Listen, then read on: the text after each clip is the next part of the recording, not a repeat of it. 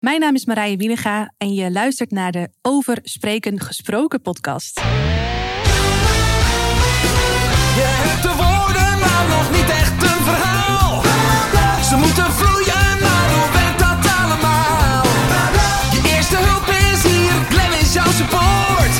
Luister naar over spreken gesproken, zodat jij voortaan scoort.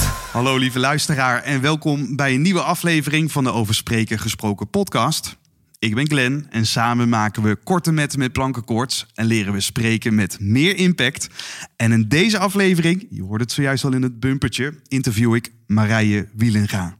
Marije is 31 lentes jong, studeerde management, management, economie en recht om uiteindelijk in het bedrijfsleven te starten, maar kwam daar al snel achter dat daar niet haar hart ligt.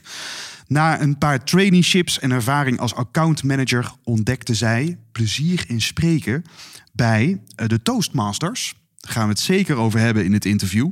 En na een paar jaar werd zij Nederlands kampioen speechen en richtte daarna haar eigen bedrijf op, stralend presenteren.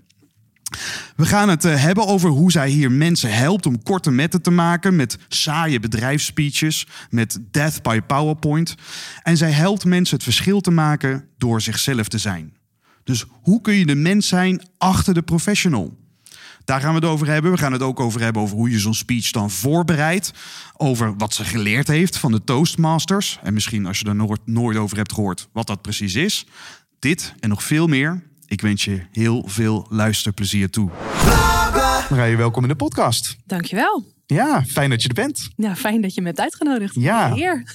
We hebben, we hebben net al lekker zitten voorpraten over onze gedeelde interesses. En over eh, ja, eigenlijk dat we elkaar misschien langer al kennen dan, dan dat we elkaar nu voor het eerst eh, in, in real life ontmoeten. Ja, klopt. Ja, daarom wilde ik je gelijk drie zoenen geven. Dat, Ja. voelde, dat voelde gewoon heel kloppend. Weet je wat dan grappig is? Dat ik, dat ik, dus, dat ik zelf dat echt zo niet meer ben gewend in coronatijd. Nee? Nee. Nee, dat rook ik ook aan je, aan je, aan je adem. Nee, grapje. Dit is een flauwe grap. Oeps. En, en ik durf het, ik zal je ook eerlijk vertellen, in deze eh, we- nieuwe wereld waarin eh, gelijkwaardigheid en zo, durf ik de vrouw, eigenlijk- ik durf zelf dat initiatief niet meer te nemen. Oh, Dus ik geef gewoon een hand. En als dan, als dan jij zei van nou, eh, drie, drie, drie, zoenen, eh, dan, dan laat ik het toe, maar ik ga het zelf niet initiëren. je bent bang voor de Me Too. Ja, in ieder geval, ja, dat ik denk van, ik hoor te veel mensen zeggen, oh, wat blij dat we dat niet meer hoeven doen. Ja, oké. Ja, die hoor ik ook wel, ja. Ja, en tegelijkertijd denk ik, als ik daar behoefte aan heb, dan initieer ik het gewoon. Ik ben tenslotte een vrouw, dus dan eh, Ja. Kun je het misschien beter maken dan, eh, dan als man. Ik het denk dat het fijn is als, eh, als vrouw gewoon de, de, daar duidelijk in is, toch? Ja. Dit wel en dit niet. Ja, nou, ik ben ook blij dat je me niet afwees, want dat had denk ik een beetje ongemakkelijk gevoeld. Dat is een vervelende eerste indruk dan. Ja, Nee, daar heb ik geen zin in. Nee, daar heb ik geen zin in. Hey, we gaan het hebben over stralend presenteren. Ja. Hoe ben je, hoe ben je bij die eh, naam uitgekomen? Stralend presenteren. Ja, nou, die heb ik eigenlijk niet eens zelf bedacht. Oh. Nee, ik, ik, ik, ik was al trainer, presentatietrainer, presentatiecoach. En op een gegeven moment vond ik dat het tijd was voor een, eh, een nieuwe website, een vernieuwde website. En eh, toen ben ik aan de, aan de, ja, in contact gekomen met een, een webdesigner. En ons traject begon met het rebranden ook überhaupt van mijn, van mijn logo, van mijn huisstijlkleuren. Het ontwikkelen van de huisstijl. En toen zei ze van, nou, dit is het logo wat ik eh, had bedacht. En dat, nou, dat is helemaal, kwam helemaal overeen. Het was helemaal in lijn met wat passend voelde voor mij. Er zit ook een verhaal achter dat ene cirkeltje van mijn logo, maar dat is weer een verhaal apart. Oké. Maar ze zei eigenlijk moet er in dat logo nog, nog een soort slogan staan of, of iets wat samenvat wat jij doet. Wat gaan we doen? Ik zeg, nou ja, eh, vind ik heel moeilijk om te zeggen over mezelf. Heb je ideeën? En toen kwam ze met een aantal suggesties. Hebben we een brainstorm gehad. En op een gegeven moment zei ze van, nou, misschien moeten we het samenvatten als stralend presenteren. Nou, dat is wel een mooie samenvatting. En dat, eh, ja, dat, dat is een paar keer door mijn hoofd gegaan in de loop der week. En op een gegeven moment dacht ik, potverdikkie, dat wat ik doe, vat dat eigenlijk überhaupt samen. Dus misschien moet ik mijn bedrijf überhaupt zo gaan noemen. Ja. Dus zo is de stralend presenteren geboren. En als we dat, wat jij doet, dan ook meteen beetpakken. Wat, wat is dan stralend presenteren voor jou? Ja, mooie vraag. Stralend presenteren staat voor mij heel erg als jezelf zijn. Jezelf zijn in, in je uitingen. Of het nou voor een kleine groep is of voor een grote groep is. Eh, misschien zelfs één op één. Maar dat je in die gesprek het gevoel hebt dat je gewoon jezelf kunt zijn. Dat je het masker af kan doen. Wat ik merk dat veel zakelijke professionals nog wel hebben. Het masker van dit is hoe het heurt. Dit is hoe ik het andere mensen zie doen. Hoe, dit is hoe ik het de grote mannen en vrouwen zie doen. doen. Ehm, en nu mag ik gewoon lekker mezelf zijn. En mijn eigen humor toepassen. eh, mijn eigen anekdotes vertellen. En, en ja, ik, ik merk gewoon bij mezelf en bij mijn klanten dat als je dat doet, dan ga je vanzelf stralen. Want dan klopt het gewoon. En ja, niets is zo lekker als gewoon jezelf mogen zijn. En daar ook eh, het gevoel hebben dat je daarin gewaardeerd wordt. En zo kun je stralend presenteren. Ja, dus stralend presenteren is een soort resultaat wanneer dat je dus dicht bij jezelf blijft. Ja, Jezelf kunt zijn. ja, Ik kan me voorstellen, als ik gewaardeerd word om het maskertje, dan durf ik dit compliment misschien ook nooit echt in ontvangst te nemen. ja, Als het is wie ik ben, ja, dan voel ik me ook echt heel erg. Oh, wauw, weet je Ja. wat fijn dat je dit waardeert. ja, ja. En jij hebt volgens mij een soortgelijke reis doorgemaakt. Ja, klopt. Als, als eh, verplicht om zakelijke, in het zakelijke dienstverband presentaties te geven. Ja. En dat je dan eh, ook in jouw eigen podcast stralend presenteren benoemt. Ja. Nou, ik had echt een hekel aan, eh, aan presentaties. Klopt. Ja. Kun je ons, wat, wat, wat, wat, was jouw, wat was je allergie? Wat In was mijn allergie? Ja, en ik vond het wel leuk wat je net zei. Eh, jij zei van, ik weet even niet meer hoe je het zei, maar als je altijd maar een rol hebt gespeeld en mensen hebben op je, om je gelachen, durf je dan nog wel jezelf te zijn, omdat je dan misschien de angst hebt dat mensen je dan opeens niet meer leuk of grappig vinden. Ja. Eh, ja, dat is, dat is vaak niet de hoek zoals ik hem aanvlieg, maar zo, zo kun je hem wel ook interpreteren. Ik ken hem persoonlijk meer vanuit eh, de andere kant. Als in, ehm, ik ging op een gegeven moment na mijn studie ging ik aan het werk eh, binnen het, eh, het, het, het, het hele ja, formele, de, de bankensector. En voor mijn werk moest ik opeens presentaties gaan geven. Dat had ik vanuit mijn studie wel eens gedaan, maar dat voelde toch anders dan nu in deze zakelijke setting, waar het er echt toe deed, voor mijn gevoel. En opeens dacht ik, ja, maar wacht even. Nou, nou, nou durf ik het eigenlijk niet meer te doen zoals ik het gewoon uit de losse pols zou doen. Nou is het voor het echi. Nou moet ik het doen zoals ik zie dat de rest het doet. Ja. En hoe de rest het deed, en dat zul je wellicht herkennen, is: eh, Hallo, welkom. Mijn naam is. En ik ga jullie wat vertellen over. Vervolgens kwam er een hele reeks aan eh, droge, formele eh, informatie. En aan het einde ja, had je, was je 50 PowerPoint-slides verder die je dan belooft nog op te sturen. En kwam de vraag: zijn er nog vragen? Is, dit, dat, is dit hoe het hoort? Dus zo ging ik het maar doen. Ja. En daar voelde ik me helemaal niet, niet, niet, niet, niet, niet fijn bij. Dat was een, een aangemeten masker waarvan ik dacht: "D- dit is hoe het heurt. Ja. Dus hier moet ik me aan conformeren. En het, het heeft mij tijd gekost om, om van die persoon en van die manier van presenteren terug te gaan naar de basis, naar wie ben ik. Eh, en het is eigenlijk veel leuker nu, zie ik nu in, dat ik gewoon mezelf mag zijn Met presenteren. Maar er waren echt wel wat stappen voor nodig om die transformatie te doorgaan. Dus je ziet dat, dat, dat zullen misschien luisteraars herkennen die ook in een, eh, zakelijke wereld werken. Dat je dus heel snel, zeker als je nog wat jonger bent en wat minder ervaring hebt, dat je dus gaat kopiëren wat daar dan de benchmark is. Ja, Ja, en als die benchmark is, gorddroge presentaties met, eh, met 100 slides, met Ja. onleesbare hoeveelheid informatie erop. Ja, dan, dan als automatisch neem je dat dus in eerste instantie over. klopt. Ja, En jij voelde dus dat je daar energetisch op leeg liep. heel erg. Ja. Want wat, wat, wat waren dan specifiek de zaken waar je dacht, ja, Ja, nou, ehm, eh, ja, eh goede vraag. Ik, ik denk het feit dat ik niet mezelf kon zijn. Het kost heel veel energie om iemand te zijn die je niet bent. Da daar begint het al mee. Ik had er ook geen plezier in. Ik had ook het idee dat, dat mensen het niet per se leuk vinden. N- Nou zal ik niet heel slecht zijn geweest. Want ik denk dat ik in de basis, dat durf ik van mezelf te zeggen... toch, toch best wel een vlotte babbel heb. En dat kwam ook echt wel terug in die presentaties. Maar toch, ja, ik, ik zie nog mensen voor me met hun handen over elkaar. Van, het is de zoveelste zakelijke presentatie die we vandaag horen. En, en dat maakte mij ook weer onzeker. Dus dan wordt het op een gegeven moment zo'n visueuze cirkel. Eh, van die onzekerheid ging ik ook weer niet beter presenteren. En uiteindelijk vind je jezelf ergens in een putje... waarbij ik gewoon helemaal geen zin meer had om überhaupt te presenteren, zakelijk gezien. Ja. Ja. Is dat ook wat je veel in je werk tegenkomt als je mensen coacht? Dat negatieve ervaringen uit het verleden maken dat ze om even een fobie voor spreken hebben ontwikkeld. Omdat ze gewoon allemaal een keer zo'n moment hebben gehad dat ze voor een groep stonden en gewoon denken: ah, mag ik dood? Ah. Ja. Mag ik dood? Schiet meneer. Ja, ik kom het wel tegen. Dat zijn overigens niet, niet de mensen waarmee ik werk. Want eh, de mensen waarmee ik werk hebben zich ook op een gegeven moment een bepaalde stijl aangemeten. Maar ervaren niet per se presentatieangst. Die vinden, op zich, vinden het op zich wel leuk om voor de groep te staan. Maar die hebben zoiets van ja. Eh, ik doe eigenlijk maar wat. Het is gewoon een, een, een resultaat van zo vaak anderen zien spreken en daar een eigen sausje overheen te doen. Ja. Maar ik wil eigenlijk wel leren hoe, hoe ik boven dat zakelijk gemiddelde uit kan stijgen. En hoe ik daarmee juist het verschil kan maken. Om ook voor mezelf weer nog meer plezier te halen uit het presenteren. En daar nog meer het verschil in te maken. En ook mijn, mijn inhoudelijke expertise meer recht toe te doen. Uh, dus, dus ja, ik zie het ook wel vaak dat mensen inderdaad zich, zich helemaal uh, murf voelen door het presenteren en daardoor niet meer willen presenteren. Maar nee, dat zijn over het algemeen niet de mensen met wie ik werk. Nee. Ja. Dus dat zijn dus mensen die al vaker gewoon gewend zijn om te spreken, maar, maar dat misschien niet bewust doen. Niet bewust technieken neer inzetten, waardoor de impact toeneemt. Ja, dat zijn echt de mensen die voelen hier. Uh, hier heb ik echt nog wat te winnen. Ja, nou, daar gaan we het nog uitgebreid over hebben uh, later in dit gesprek. Ik wil nog wel even terug naar dat moment dat je dus ja, in, in zo'n organisatie bij de bank, uh, noem je net, uh, aan het werk was. Mhm. Mm -hmm. En dan zou ik me kunnen voorstellen, ja, ik doe iets wat ik niet leuk vind. Ik ga daar zo ver mogelijk vandaan. Ja. Hoe, hoe, kwam je dan uh, bij Toastmasters International uit? Wat volgens Ja. mij jouw eerste aanraking was met beter leren spreken. Ja, klopt. Ja, dat was wel een leuke, een leuke verrassing. Ik, uh, ik, ik wist wel dat dit niet meer bij me paste. Niet per se alleen vanwege het presenteren, maar het was een, een, een, een, een opsomming van dingen. Uh, ik wist ook dat ik heel graag iets voor mezelf wilde doen, maar ik wist nog niet zo goed wat. En ik wist dat ik er niet uitkwam in combinatie met een 40-urige werkweek op een locatie, wat ook nog eens een uur heen en een uur terugreizen was. Uh, dus ik ben heel radicaal gestopt met mijn baan om uh, maar te gaan ontdekken wat ik wilde doen. Mm -hmm. uh, met de hoop en het vertrouwen dat dat dan wel zou komen.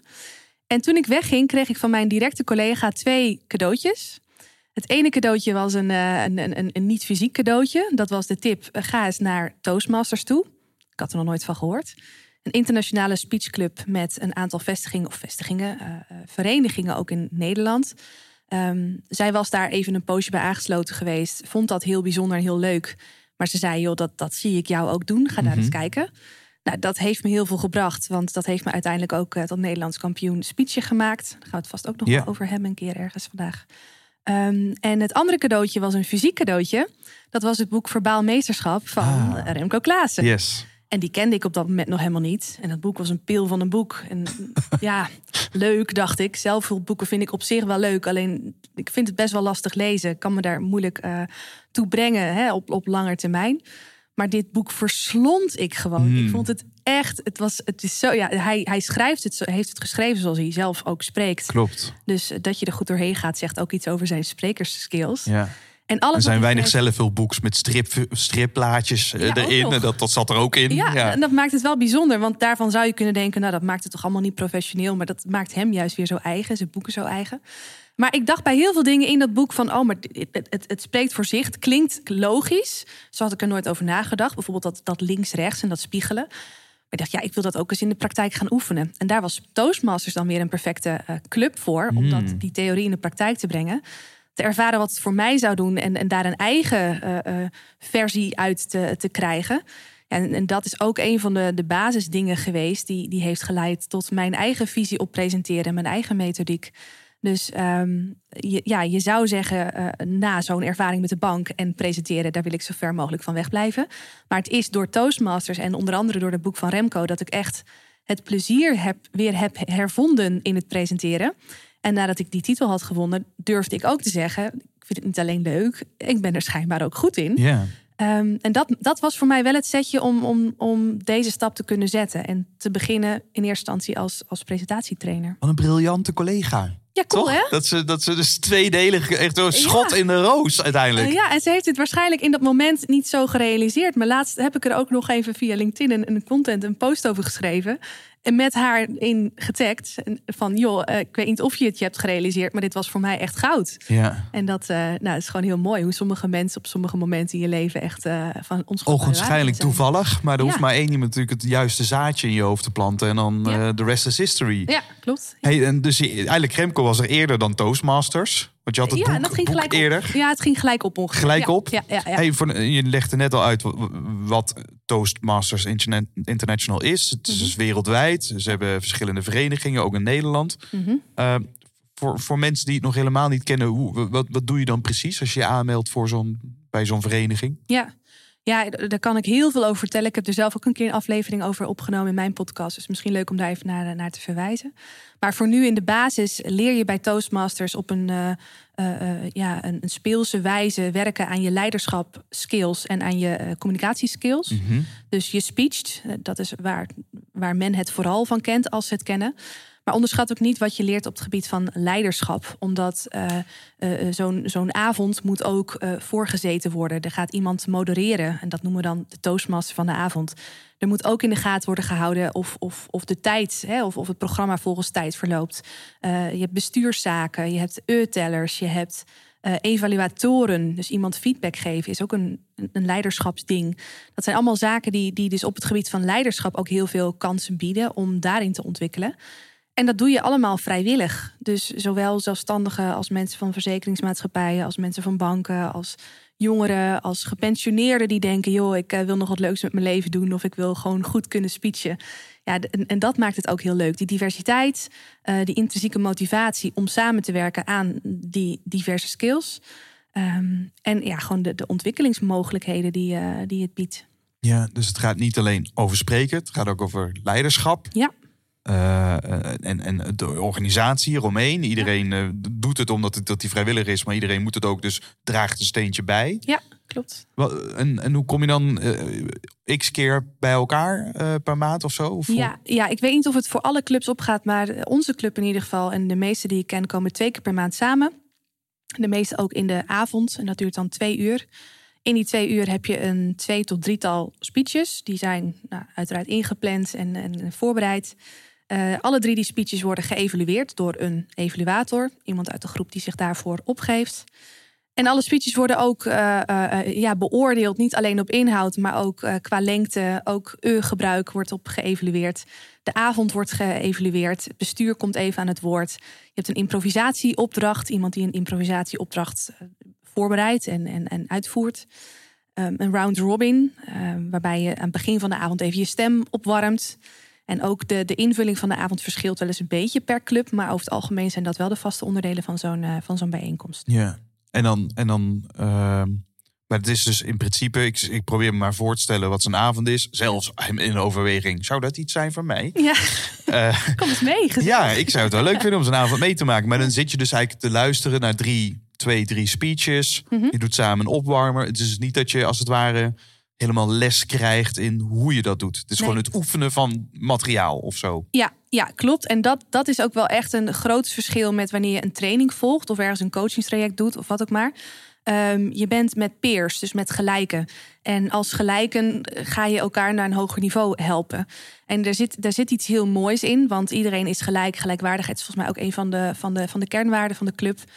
Ehm, maar anderzijds, als jij snel meters wil maken, ja, zit er ook wel weer een nadeel in. Want je komt maar twee keer per maand samen. Het is maar afhankelijk van wanneer je kunt speechen of dat je ook daaraan kunt werken. Ehm, dus, dus ja, dat is wel een groot verschil tussen ergens een training in volgen en dit voor je hobby eigenlijk. Tenminste, Ja. voor de meeste mensen is het echt een hobby geworden. eh, hier naartoe gaan. Ja, en als je kijkt nu naar jezelf, daar waar je begon. Mhm. Nou, eh, misschien eh, met een open vizier weliswaar, maar nog, nog eigenlijk misschien met een overtuiging. Ik haat eh, presenteren. Ja, kan het ook leuk zijn? Kan dit ook leuk zijn? Ja. Wat, eh, wat- zijn een paar dingen die jij eh, in die tijd dat je daar twee keer per maand samenkwam, wat heb je geleerd? Wat heb ik geleerd? Nou, sowieso dat ik oké ben zoals ik ben. en ook als Mhm. ik op kom draven met mezelf, zonder dat ik voldoe aan die saaie zakelijke standaard. Dat ik dan ook veel leuker ben eigenlijk. En, en dus nog meer oké dan dat ik dacht dat ik was. Ehm, maar ja, ik heb gewoon vooral het plezier weer teruggevonden in, in speechen. En ik snapte ook niet zo goed toen ik die wedstrijd had gewonnen, hoe, hoe het nou toch kon zijn dat, dat dat speechje me goed afging. Dat ik dat ook echt heel leuk vond om te doen. Terwijl ik nog steeds, ook toen, het zakelijk presenteren niet leuk vond. Het was eh, het besefmoment dat ik die speechvaardigheden kon gaan toepassen, juist ook op zakelijke presentaties. Wat het grote verschil maakte, wat voor mij ook op zakelijk gebied de grote transformatie teweegbracht. Waarvan ik dacht, joh, dit heeft voor mij nu zoveel deuren geopend. Nu wil ik andere professionals helpen om ditzelfde te bereiken. Omdat ik wel zag dat, dat dit echt wel een, een, een, een, een probleem was dat heel veel mensen eh, ervaarden Ja. of ervaren in de praktijk. Eh, ja, zo is dat gekomen. Dus het gaat je niet zozeer per se over de techniek, maar het gaat over, eh, over plezier hebben in wat je doet, oké zijn met wie je bent. Ja. Ja. Eh, er zit dus een hele duidelijke onderstroom in je werk die, die je misschien wel heel belangrijker vindt dan Ja. waar laat ik mijn handen en wanneer zet je de punt. Ja, klopt. Want dat kun je, dat kun je ook eh, leren in, in podcasts als deze, die gewoon super waardevol zijn. Of op YouTube met, met cursussen of wat ook maar. Je hebt zelf ook een, eh, een online training eh, Mhm. ontwikkeld. Dus, dus er is heel veel kennis al gewoon gratis te verkrijgen. Ja. Ehm, maar waar de diepgang echt in zit, is van wie ben jij en wat past bij jou? Niemand is hetzelfde. En wat ik ook altijd leuk vind, vooral in de trainingen die ik tot nu toe veel gegeven heb, ehm, is dat mensen makkelijk bij me kwamen met de vraag: joh, ik wil even beter leren presenteren. Kun je me daarbij helpen? Ja, oké, kom maar binnen. bij wijze van. Maar dat ze gedurende dat traject. Doe eens even of zo. Het, het doe eens even. Ja. We gaan even lekker pragmatisch aan de slag. Ja. En dat gingen we ook doen. Maar door pragmatisch met elkaar aan de slag te gaan, heb ik ze eigenlijk eh, eh, dieper getrokken naar zichzelf. Want, want eh, er staan zoals jezelf is, is een van de dingen die echt heel duidelijk terugkomt in mijn training. Ehm, maar bijna iedereen komt erop terug van: oh jeetje, dit heeft veel meer impact gehad op veel meer niveaus dan dat ik eh, aan, bij aanvang van deze training of van dit traject had bedacht Mhm. omdat het nu echt over mezelf gaat. En het ging over mezelf. En ik heb nieuwe inzichten gekregen. Of ik ben echt een ander mens geworden. In bepaalde opzichten of naar bepaalde groepen toe. En dat, ja, dat, dat vind ik persoonlijk het mooiste. Dus dat je door die pragmatische eh, eh, tips en zo. komt tot een stuk diepgang. waarbij je echt van mens tot mens een hele diepgaande relatie opbouwt. Eh, en die ander ook weer door gebruik van die tips en tricks. die menselijkheid, dat persoonlijke naar buiten kan brengen. Ja. Ja, bizar hè? eigenlijk dat het zo'n voertuig is. Ik herken het heel erg. Dat hè, het durven van zo'n podium te pakken is zo'n confrontatie met jezelf. Ja, En dat ik het haast... Ik ben veel meer geïnteresseerd inderdaad ook naar de psychologie achter de mens. Of de filosofie van het goede leven. Maar dat ik... Ik kom gewoon weinig vormen tegen waarin je eigen belemmerende overtuigingen zo snel zichtbaar worden. Ja, ja hadden we Dat- het net al even over, hè? over hè? Dat, dat die spanning blijft. Ja, En dat je hem toch op blijft zoeken. ja, dat, Dat, ja. dat de paradox daarvan. Jij, we hadden het erover dat we onszelf dan, dat mensen naar, naar ons toe komen. Ik wil ontspannen presenteren. En als je dat dan eenmaal lukt, dat je allemaal de raarste dingen gaat doen. om dan die spanning weer te ervaren. En dan ook iedere keer weer denkt: waarom? Ja, Waarom doe ik dit? ja klopt. Ja. Wat, op wat voor manier zoek jij die spanning voor jezelf op op dit moment? Nou, de, de- podcast starten was voor mij, eh, dat was begin van het jaar dat ik daarmee startte, was voor mij weer iets nieuws. Ehm, in, mijn, in mijn aanbod als ondernemer heb ik onlangs weer een nieuwe weg in, ben ik een nieuwe weg ingeslagen door een hele specifieke niche te kiezen en een aanbod te maken wat specifiek voor doel, die doelgroep echt, echt baanbrekend is. Tenminste, in theorie en in de praktijk ga ik dat nu ervaren. Is er de eerste kick-off gehad. Ehm, maar dat zijn wel dingen die ik echt oprecht weer rete spannend vind. Waarbij ik ook, nou, gisteren toen ik in de auto zat na die kick-off. Rationeel gezien wist ik dat ik het gewoon goed had voorbereid. En ik, had, ik heb ook voldoende ervaring om te weten dat ik het echt wil overleven. En dat het echt wel een waardevolle sessie gaat zijn, eh, ging zijn. Maar dan toch inderdaad dat moment van eh, laat me even doodgaan. Want eh, waarom, waarom, waarom doe ik dit ook alweer allemaal? Ehm, dus ja, dat is waar ik het eh, in opzoek. En wat ik je vertelde, ik, ga het gewoon vertellen in deze podcast. Ehm, laatst kreeg ik bij een eh, business event waar ik zelf aan deelnam de vraag: wat zou je doen als je tien keer meer moed had dan vandaag, dan nu? En ik kon daar eerst niet zoveel mee, maar na een paar uur dat die vraag opnieuw werd gesteld, toen kwam de ingeving. Ik wil gewoon zelf een keer een theatershow neerzetten waarin ik het, het speechen combineer met het authentieke speechen over mezelf speechen eigen ervaringen eh, combineer met, eh, met zang. Ik, ik, mag heel graag zingen, ik mag heel graag piano spelen. En daar iets van een show mee maken, waar ik andere mensen mee kan raken, mee kan roeren en, en, en geïnspireerd mee naar huis kan laten gaan. Ja. Ja, dat, dat zie ik mezelf doen, maar dat vind ik tegelijkertijd zo eng dat ik echt denk, nee, waarom, nee, nee, toch, echt, echt, nee. Oh. Dus dat is de dans van nu. Wanneer ga ik dit doen? Want ik ga het doen. Dat Je heb hebt het nu de eter in geslingerd. Ik heb het ook de, ja, ik heb het in mijn eigen podcast laatst ook gezegd. En ik denk ook door erover te praten, Ja. komt het op een gegeven moment dichterbij. Maar dat is wel echt, ja, noem het een, een leidensweg die ik vrijwillig aanga. Ja. Eh, voor mij weer een next level van, eh, ja, van mijn founding story delen.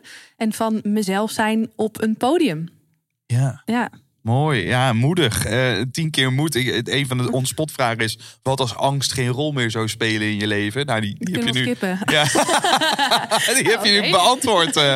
Maar het ding is natuurlijk, ja, je kan er wel. eh, dus die kan daar bang voor zijn. Dan, dan zit het goud natuurlijk als je daar doorheen durft te breken. Ja. En te kijken wat er dan gebeurt. En dan draait het leven gewoon door. Ja, is het universum hè, nog steeds hetzelfde, dat plaatje? Het, Ja. het universum voor dat je dat doet en het daarna. Oké. In mijn beleving is het dan heel groot, maar in, daar is er niks veranderd. Nee, oh, precies. Ja, oh, dus we kijken naar de sterrenhemel. Dat staat er allemaal Ja, nog precies, gewoon. Op Ja. dezelfde plek, niks aan de hand. Ja, zo. En als, je dan, als we dan nu daar toch zo over hebben, wat is dan, wat is dan de trigger waardoor je tien keer moed nodig hebt om, om, om dat te gaan doen? Waarom kun je niet gewoon zeggen, joh, lijkt me super tof om te doen? Ik ga het gewoon doen. Aan de slag. Ja, uiteindelijk is dat natuurlijk de kunst om, om, eh, om het dan gewoon te gaan doen. Om die angsten gewoon eh, onder de arm te pakken en dan door te gaan. Ja, als kameraadschap. hey, ik Ja. heb mijn angst. Ja, ja precies. Hallo, Loop angst, maar met me kom mee. met me mee. Ja, in Ja. plaats van eh, ik wil jou niet meer zien, ik wil je niet meer voelen. Dat is volgens mij altijd de uitdaging, ja.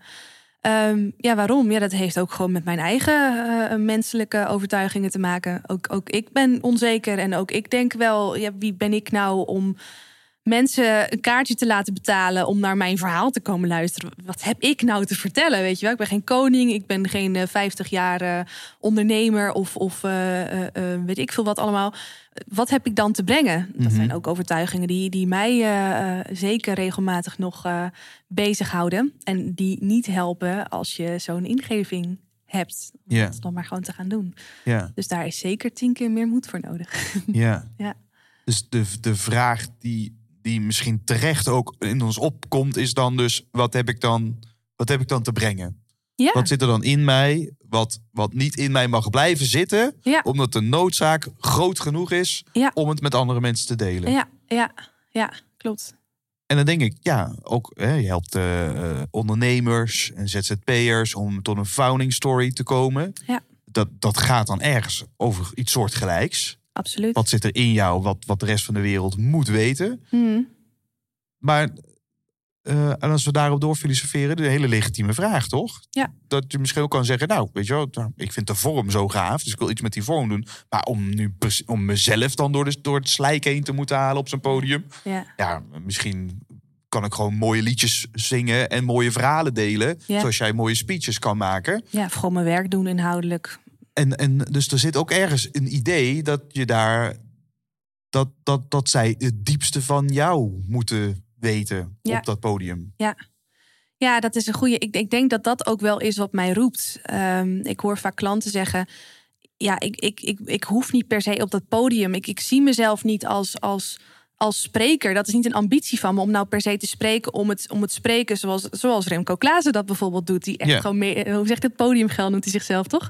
Ja, podium. Ja, Ja, Die daar gewoon echt heel graag in de schijnwerper staat en daar ook gewoon eerlijk voor uitkomt. Nou, ik zelf, en, en grappig genoeg, ja, dat zoekt elkaar dan toch op, denk ik. Mijn klanten hebben dat niet per se. Eh, en toch, in mijn geval, zoek ik dat podium wel op. Omdat ik denk dat ik een verhaal te vertellen heb. Omdat ik anderen wil uitnodigen datzelfde te doen. Ehm, omdat ik denk dat een verhaal vertellen vaak niet over jou gaat. Eh, ook al is het je eigen verhaal. En dat klinkt raar, want ja, het is je eigen verhaal. Maar uiteindelijk vertel je een verhaal omdat je daarmee iets wil losmaken in die ander. En dat is voor mij ook de drijfveer om zelf zichtbaar en hoorbaar te zijn. Natuurlijk ook ondernemingstechnisch is dat heel handig, marketingtechnisch is dat heel handig. Ehm, maar ehm, hoe ga ik het even goed zeggen? Uiteindelijk doe, doe ik dit om iets in anderen los te maken. En dat is ook wat ik ehm, mijn klanten eh, eh, eh, leer. Of die hebben vaak die overtuiging al wel. Maar wat ik echt bij ze wil versterken. Is jij gaat niet op dat podium staan. Of je hoeft niet op dat podium staan. Omdat je nou zelf zo heel graag in die schijnwerper staat.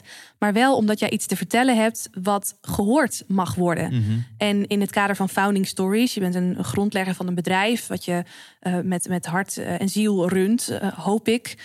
Dan heb jij heel bewust ervoor gekozen om die dienst of dat product in de wereld te zetten. Met het doel de wereld mooier te maken, mensen beter te maken, mensen eh, eh, blijer, gelukkiger te maken. Wat nou als jij door het vertellen van jouw verhaal, wat misschien ook, ook wel deels kwetsbaar is, kan zorgen dat je met jouw dienst of product gewoon nog meer bereikt? Ja, dat is volgens mij waar dit over mag gaan.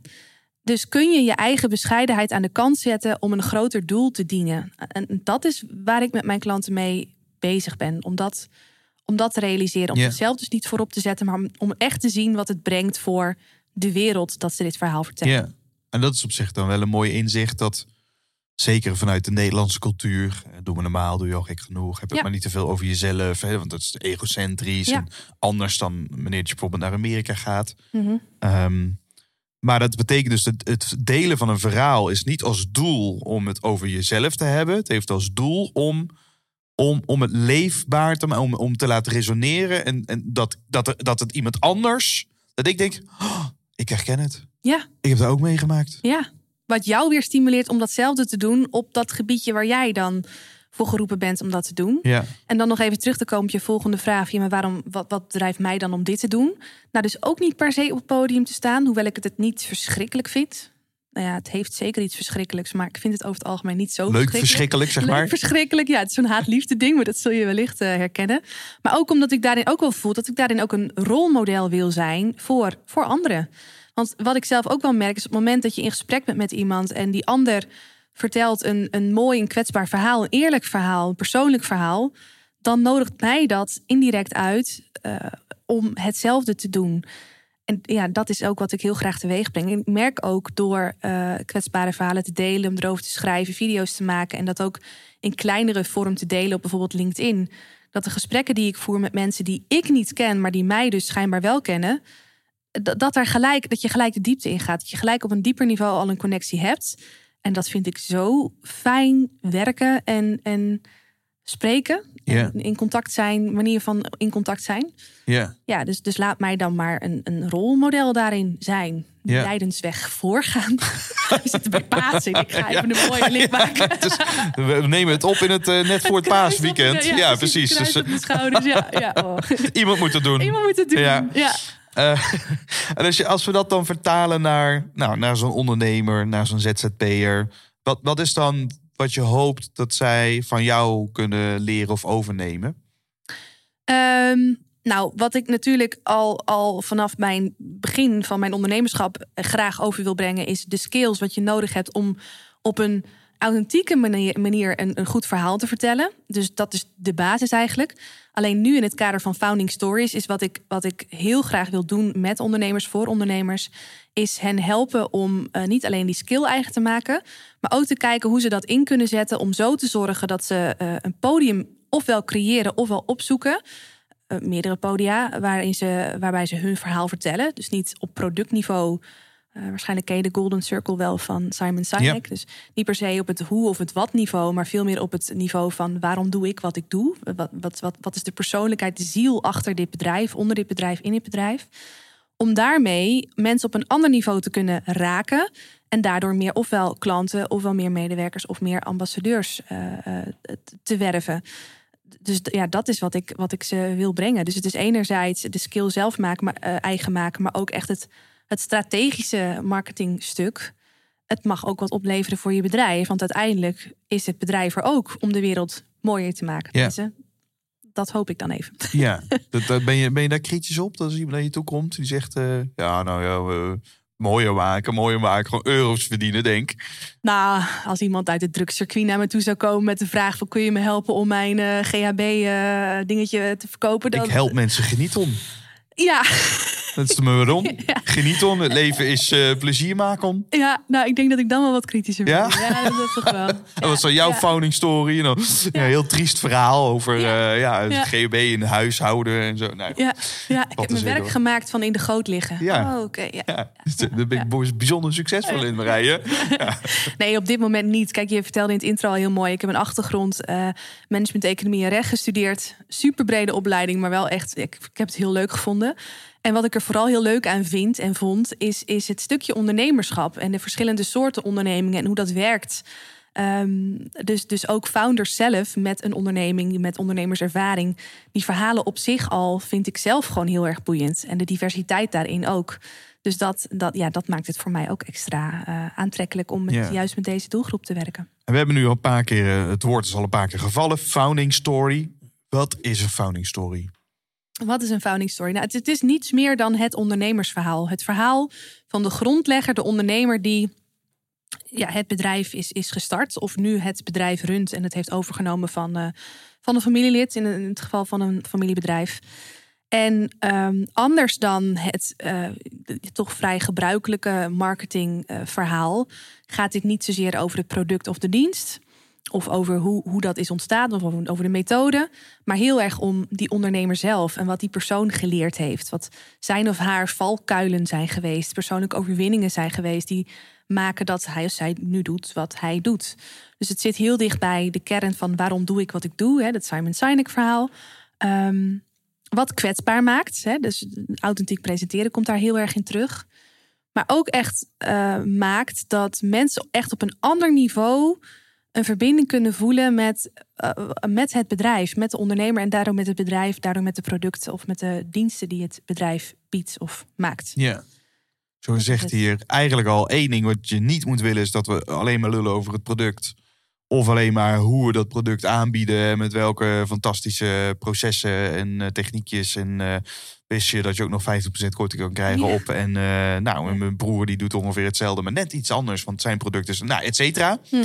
Eh, dat, dat dus niet. Mhm. Wat zijn nog meer voorbeelden van, van, van slechte founding stories?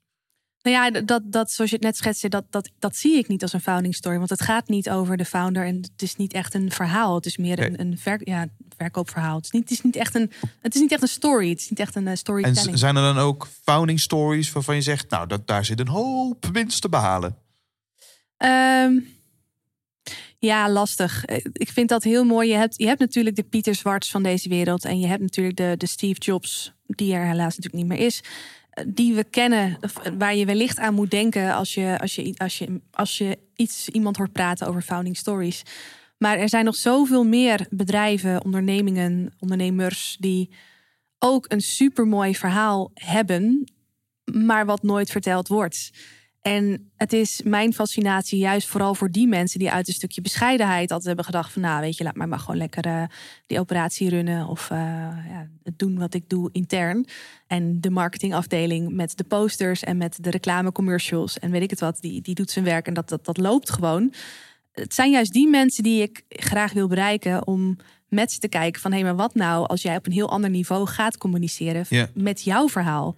Eh, durf je dat? En zo ja, eh, laat me je helpen om, om dat goed vorm te geven. En daardoor dus nog meer klanten, medewerkers of eh, ambassadeurs aan te trekken. Dus zijn er dan ook foute founding stories? Ja, nou, nee. Of voorbeelden. Hè? Ik ben benieuwd naar... eh, we gaan eigenlijk naar wat, hoe, het, hoe het wel moet. Ja, Ik vind ja, het leuk ja. om als tegenhanger... Om ook te snappen dan... wat, wat, wat is een niet handige founding story? Ja, nou, nou, ik zie dat dus niet zozeer als een niet handige founding story. Ik zie als, als ja, wanneer het niet goed zou zijn, en daar heb ik dan gelukkig even geen concreet voorbeeld van.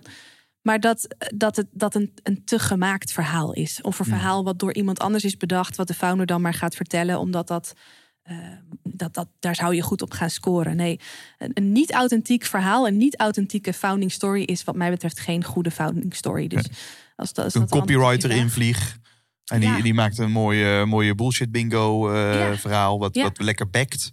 Maar wat, wat, wat niet bij mijn hart ligt. Dan, Dat dan, is misschien wel een mooi voorbeeld, ook even hypothetisch gezien. De duurzaamheid is natuurlijk een onderwerp wat heel erg leeft op dit moment. Je zou eh, eh, vanuit een strategisch, eh, marketingtechnisch oogpunt kunnen zeggen van... joh, we, moeten, we moeten als bedrijf iets met duurzaamheid. Wat nou als ik als founder daar een heel tranentrekkend verhaal over ga vertellen... om zo de mensen te bereiken? Weet je wat, ik, ik weet zelf niet hoe, het, hoe, het, hoe dat heurt. Dus ik huur inderdaad een copywriter in. Die laat ik dat voor mij schrijven, een speechschrijver. En ik ga dat verhaal vertellen ja, dat zou misschien nog steeds wel een goed verhaal kunnen zijn. Maar ik denk dat het heel voelbaar is voor de buitenwereld dat dit, dat dit, ja, dat dat dit gemaakt is. Mhm. Veel liever heb ik dat je kijkt naar je eigen kernwaarden, je eigen eh, ehm, uitdagingen, thema's die voor jou persoonlijk eh, en zakelijk hebben gespeeld. En dat je op basis daarvan een eigen verhaal gaat vertellen. ehm, passend bij die doelgroep op dat moment. Ja. ehm, om, om, ja, om zo mensen voor je te winnen. Of aan je te binden eigenlijk. Een goede founding story. eh, Op het moment dat je daarmee in de slag gaat om dat te ontdekken. Dat is dus ook iets wat niet zomaar verandert. Omdat de diepere waarom. Zou je dan kunnen zeggen, nou dat, dat, dat, dat, kan, Dat kan veranderen. Maar dat Ja. het is niet dat ik ieder jaar opnieuw even een andere founding story eh, bedenk. Nee, nee, ja en nee. Want eh, als mens ontwikkel je je. Je beleeft nieuwe dingen. Je loopt tegen nieuwe uitdagingen aan. Als ik jou over twee jaar spreek en ik heb mijn, eh, mijn theatershow gegeven of geef ik nog steeds, dan Kom ik aan de foyer tegen, weet je, dan kom jij naar buiten. Zeg leuk dat je er bent, ja. eregast zo. Dan, dan, dan heb ik ervaren dat ik daar niet aan dood ga. Maar dan, dan heb ik wel weer iets, een nieuw element, een nieuw soort laagje toegevoegd aan mijn founding story. Want ja, dat ben weer wat rijker geworden in Ja. mijn ervaring als, als mens. Eh, dus, dus je groeit als mens en daarmee groeit je founding story met je mee. Dus Ehm, wel een levend document. Ja, absoluut. Niet iets wat we een steen bijtelen Ja. en dan Ja. tada, Ja. onze founding story. Ja, nou noem het misschien een levend boek. Ik vind het vooral boeiend om ook te kijken. eh, wat mij betreft heb je niet één founding story. Maar stel dat jij als ondernemer eh, besluit dat je zes keer per jaar op eh, die en die en die congressen, evenementen jouw verhaal wil doen. Eh, en je doelgroep is vrij breed, maar je besluit eh, dat je bij congres A de, de, de mensen tussen de 15 en 35 aan wil spreken, die eh, vegan zijn, ik noem maar wat. En bij evenement B heb je opeens eh, eh, ehm, eh, nou, een veel oudere doelgroep tegenover je zitten. Met hele andere uitdagingen, hele andere dingen die ze bezighoudt. Dan is het raadzaam om te kijken van... oké, als ik mijn levensverhaal nou eens eventjes mm, bekri- kritisch bekijk... eh, welke thema's komen er dan in terug? En welke thema, met welke thema's kan ik welke doelgroep het best, beste raken? Eh, dus dan is het nog steeds een authentiek verhaal. Is het nog steeds jouw founding story. Maar dan is het thema even anders. eh, waardoor je dus wel verschillende verhalen kunt vertellen. Maar waarvan de verhalen nog steeds allemaal jouw verhaal zijn. Ja. Dat, is, dat is denk ik wel de uitdaging bij zo'n Dus het zou, je hebt een soort fundament, maar wat je dan deelt, dat verschilt dan ook weer per publiek die Ja. je hebt of per doelgroep. Zou, ja, dat zou ik wel doen. Hey, je noemde net al een paar voorbeelden. Eh, Steve Jobs eh, no- noemde je, Pieter Zwart eh, noemde je. Bij Steve Jobs, nou, met Apple kunnen we natuurlijk, dat, dat, heeft, dat heeft hij heel erg geladen, wat veel verder gaat dan een leuk product. Mhm. Ik vind het mooi bij Steve Jobs ook dat hij, voordat hij, hoe heet dat bedrijf ook alweer, wat hij na Apple werd weggestuurd bij Apple, omdat hij juist geen goede founding story had. En toen ging hij Ja. bij onze animatiestudio ging hij werken. Eh, Toy Story en Wally en eh, ja, oh goed. Ja, we ja. komen er zo op. Ja. Ik, ik zie het gewoon het lampje, weet je Mhm. wel? Eh, eh, ik kom er gewoon even. Pixar? Pixar, ja. Pixar Hij kocht Pixar en daar leerde hij wat verhalen, wat storytelling is. Ja. Kwam hij weer terug bij Apple en ineens pop draaide dat zich om, omdat hij niet meer ging praten over. Hij ging ook nog wel praten over de producten, maar Ja. daar zat een enorme onderstroom, challenge status quo met prachtige video's van Muhammad Ali en Einstein. Dus er er kwam ineens een hele andere lading bij. ja. Ehm, je noemde ook Pieter Zwart. Wat, wat, wat vind jij goed aan zijn ehm, founding story en de marketing die hij bij Coolblue doet? Nou, ik vind het gewoon super slim dat Coolblue is eigenlijk het zoveelste eh, eh, eh, internetbedrijf. Internet, hoe noem je dat? Ehm, eh, de, de internetwinkel. Ja, het is eigenlijk gewoon een transportbedrijf. Ja, Gewoon ja een doosjeschuivert. precies. precies. We hebben een magazijn. Met witgoed en zo. Ja, en Ja, en ko ik, koop maar in en we komen het bezorgen. Dus het transport is- en logistiek. Ja, Hoe droog wil je het hebben? Het is helemaal niet zo onderscheidend op productniveau. Dat is weer zo'n mooi voorbeeld. Onderscheidend op productniveau. Nee. Hoe ze het doen, ja, wordt al een stuk interessanter. Want ze doen dat met die glimlach. En dat klinkt nu een beetje kinderachtig. Maar ze doen het, ze doen het echt met die glimlach. Dat laten ze in alles terugkomen. Het ook zo geniaal als je daar iets bestelt, eh, laatst nog gedaan. En dan krijg je een mailtje met: eh, Oké, alles is gelukt en we zijn er nu mee bezig. Het enige wat je nog rest is wachten. En om die periode ook zo leuk mogelijk voor je te maken, krijg je nu een, eh, volgens mij een, een, nou, iets leuks met, met dat ze aftellen. Je kon een relax video bekijken, geloof ik. Nou, ik, ik, ik moest er gewoon inderdaad om lachen van bedenk het maar. Dus daarin onderscheiden ze zich al heel erg. En wat, wat ze dan ook heel slim doen, is dat ze zo'n Pieter Zwart, dat hij zichzelf inzet of dat ze hem inzetten, om dus ook wat meer te vertellen over de ziel van het bedrijf. Dus zij snappen heel goed hoe je dat, dat waarom stukje, dat hele authentieke stuk, hoe je, dat, hoe je mensen aan je kan binden door dat te vertellen. Dus marketingtechnisch gewoon super slim. Hij is een, een goede spreker, dus dat werkt ook lekker mee. Ehm, het is, het is gewoon een fantastische kans om je bedrijf gewoon heel mooi neer te zetten. En ik denk een kans die heel veel ondernemers nog laten schieten. Ook al zijn ze misschien toch wel goed in spreken. Maar komt het gewoon niet zo tot Dus uit. dan moet je uiteindelijk ook weer zoeken naar hey, wat, wat is dan een moment. Hè? Storytelling gaat over een soort momentopname die je uitvergroot en uitsmeert. Ja. Volgens mij heeft hij letterlijk een, een, een vergaderruimte, de kroeg, tot kroeg omgebouwd. Waar hij met zijn vrienden samenkwam en op een bierveeltje eh, het eerste ondernemersplan eh, neer hadden gekalkt. Ja. Wat, wat zijn nog andere Nederlandse voorbeelden van, van founding stories waarvan je zegt, ah, dat, is, dat is mooi om als voorbeeld te gebruiken?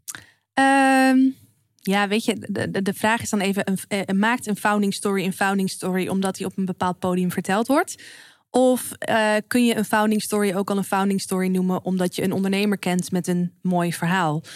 Nou, in die laatste categorie die spreek ik heel veel, omdat daar natuurlijk het goud in zit om dat verhaal op een, een podium te vertellen. Online, fysiek, klein, groot, maakt niet uit. Wat past bij de ondernemer.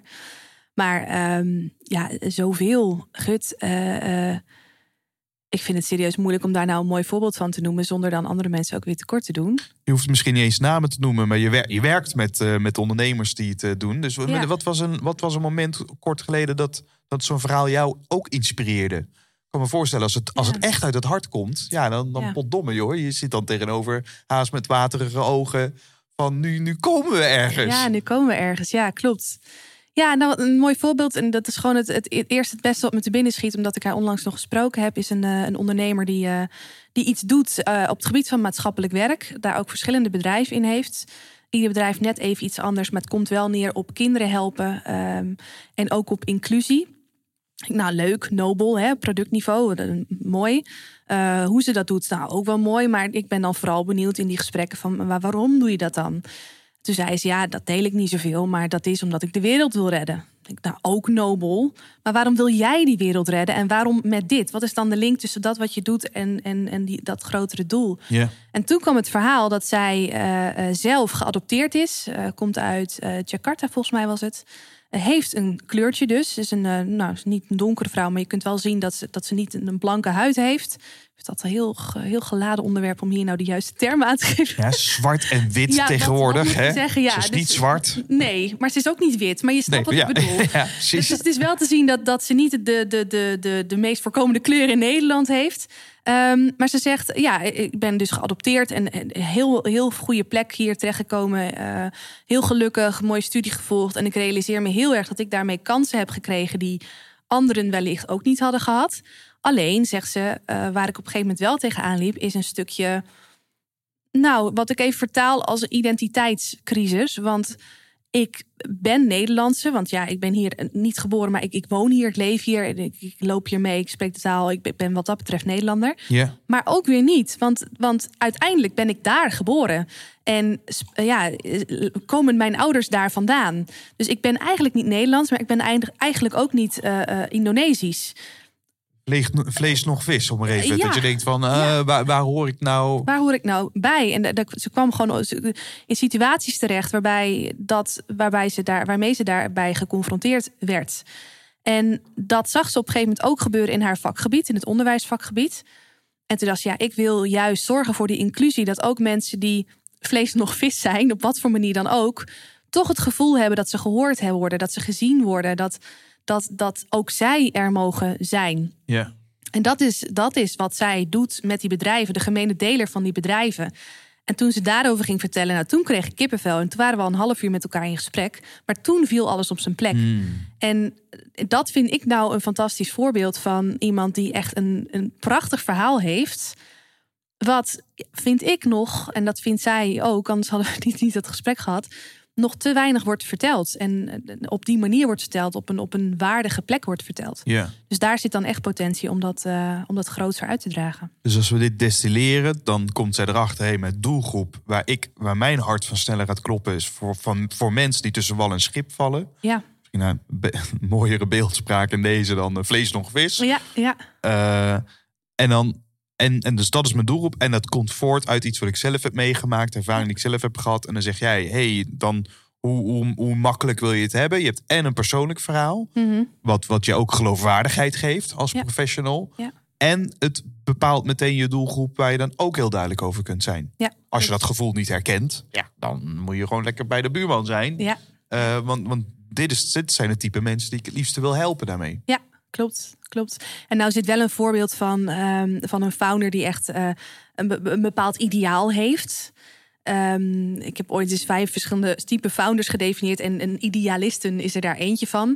Maar er zijn natuurlijk ook gewoon type founders die, die, die in hun leven een keer een gat in de markt hebben gezien. Daarop in zijn gesprongen. En in dat hele ondernemersavontuur van alles hebben meegemaakt. Maar niet per se een tranentrekkend eh, founding story verhaal hebben. Nee. En dan kun je je afvragen, ja, hebben die dan ook een interessante founding story? Ik denk persoonlijk van wel, want helemaal als je wat jaren meegaat, dan heb je, dan heb je ongetwijfeld van alles meegemaakt in die ondernemersreis. En is het dan aan, aan ons samen om te kijken van hé, hey, waar zitten dan die thema's? Waar zitten die vraagstukken die juist super inspirerend zijn om die eens uit te lichten en die te vergroten om daar dan een mooie founding story omheen Ja, te dus denken. Ook mensen die geen misère hebben meegemaakt of eh, die leven ervaren als tragedie. Dat, Nou, misère is wel een voorwaarde hoor. ja? ja, het is wel huilen. Het kan niet alleen maar over, eh, over mooie dingen gaan. Nee, nee het, is altijd die balans tussen.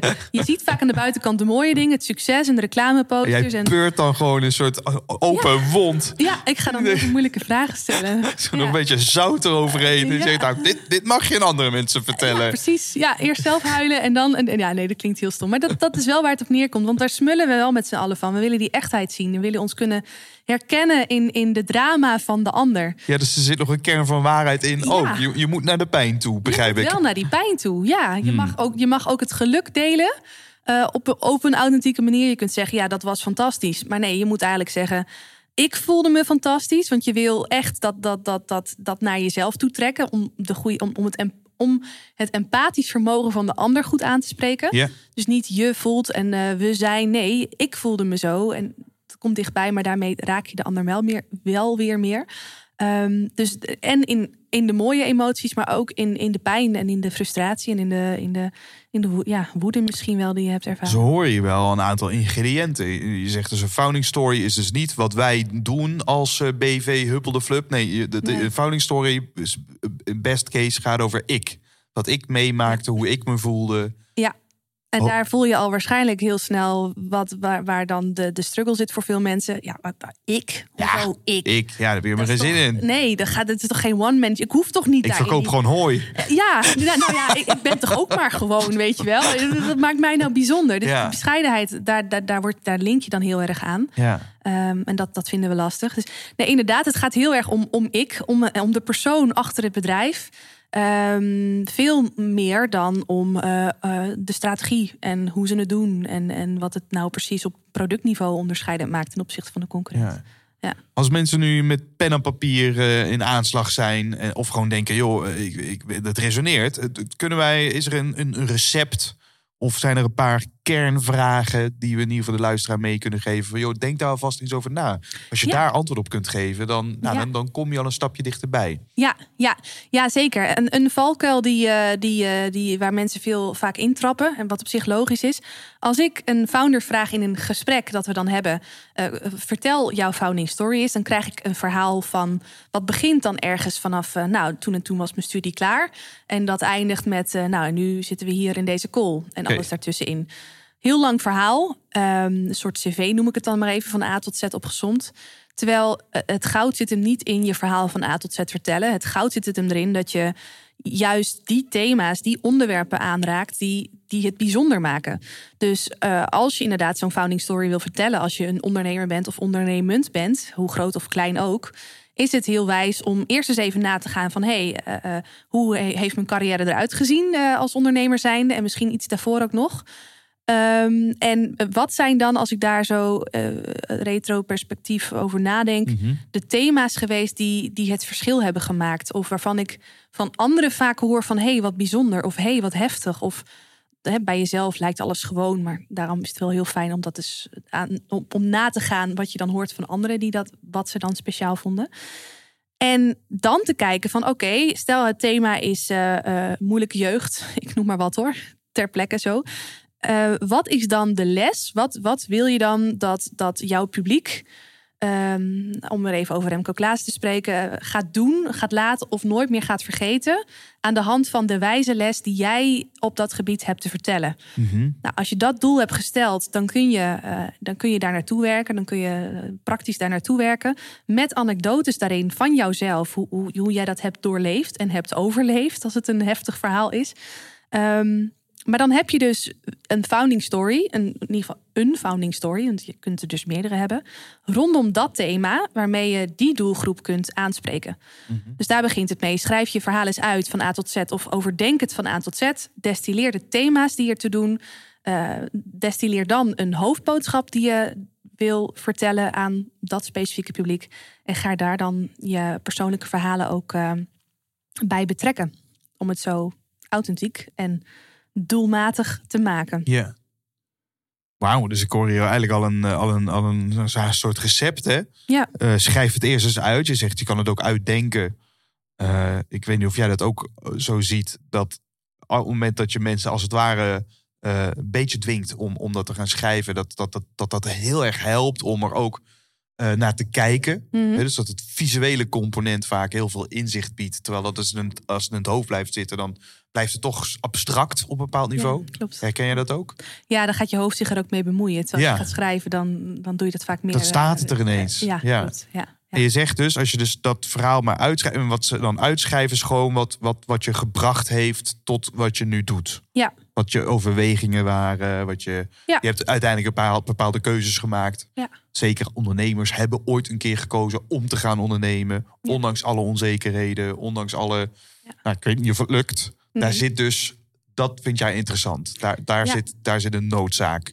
Ja, klopt. En dan vooral als je ook durft te kijken naar. eh, nou, je hebt het net over de keuzes die je hebt gemaakt. Stel dat je een keer een hele slechte investering hebt gemaakt.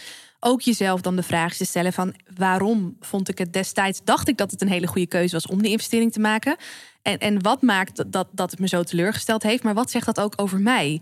Dus dat je daarin ook eens in de spiegel durft te kijken en misschien een stukje jeugdtrauma durft, eh, durft ja, durft aan te kijken van hey, wat, hoe heeft gemaakt dat ik die fout heb gemaakt? Eh, en wat kan mijn publiek daarvan leren? Dus, dus ook wat dieper te gaan dan alleen een zakelijke beslissing die wel of niet goed is uitgepakt. Want dat, dat is juist wat we willen horen, waar we ons in herkennen als, als, als luisteraars. En wat heel erg helpt, eh, ik refereerde er net al even aan. Vaak vinden we ons eigen verhaal niet eens zo boeiend. Want ja, dit is ons verhaal en het is voor ons niet nieuw. Dus het helpt ook heel erg als je het, als je het herkent van jezelf dat je het moeilijk vindt om de juiste thema's eruit te filteren. Omdat je denkt, nou, het is toch allemaal maar gewoon normaal wat ik yeah. doe. Om eens met vrienden, kennissen eh, of juist onbekenden in gesprek te gaan die jou wel kennen. hey, wat zijn nou dingen eh, die, die, jou, eh, die, die jij inspirerend vindt aan mij? Of waarom waardeer je mij zo? Je, je trouwe volgers, je trouwe klanten. Ik weet zeker als jij jouw luisteraars de vraag zou stellen van waarom vind je het leuk om naar mijn podcast te luisteren? Dat jij dingen terug gaat horen waarvan jij denkt, ja, maar dat is toch heel normaal? Dat doe ik gewoon zo. Ja. Terwijl jouw luisteraar zegt van, nou ja, dat is zo tof, dat hoor ik nergens anders. Dus dat, dat gaat je ook weer nieuwe inzichten geven. Ehm, en ook weer sterken om juist dat wat jij als normaal acht, toch te gaan vertellen en uit te gaan vergroten. Omwille van ja, de boodschap, de les voor, voor jouw publiek, voor een ander. Ja, interessant zeg. En als ik deze analogie volg. Dus, en, en, en ik denk dat dat ook zeker een goede tip is om, eh, als ik over mezelf spreek, dat mag ik vaker doen. Om ook, ook daar weer zit overtuiging. Ja, dan val ik, val ik die luisteraars lastig. Ik heb er geen zin in om dat te vragen, weet je. Want of, of ik vraag het en er reageert niemand. Help. Weet je wel? En dan, Wat zullen ze dan wel niet van me denken? ja. Of wat vind ik dan van mezelf? Weet Ja. je wel, dat dan niet. Maar het is interessant is om te kijken inderdaad. Van, joh, je luistert blijkbaar heel lang, al veel. Wat, wat, wat, wat maakt dat je naar mij luistert? Eh, dat kan inhoudelijk zijn, maar misschien ook iets over de vorm. Maar wat ze dan ook gaan zeggen, dan kan ik me voorstellen, ook bij een ondernemer, en wat maakt dat je met mij zaken doet, dan krijg je dingen te horen die, die toch vaak bij de hoe ook een beetje liggen, toch? Van nou, de Kan. manier waarop je hè, met mij omgaat, vind ik gaaf. Of eh, ook bij Coolblue, waarom koop je bij Coolblue? Dat geeft me een leuk gevoel. Ja. Dus daar zit, daar zit een soort emotionele lading omheen, waardoor ik denk, oh, dat, dat is leuk. En het is betrouwbaar. En, Mhm. ehm, maar dat, dat is toch niet meteen een waarom, kan ik me dan voorstellen.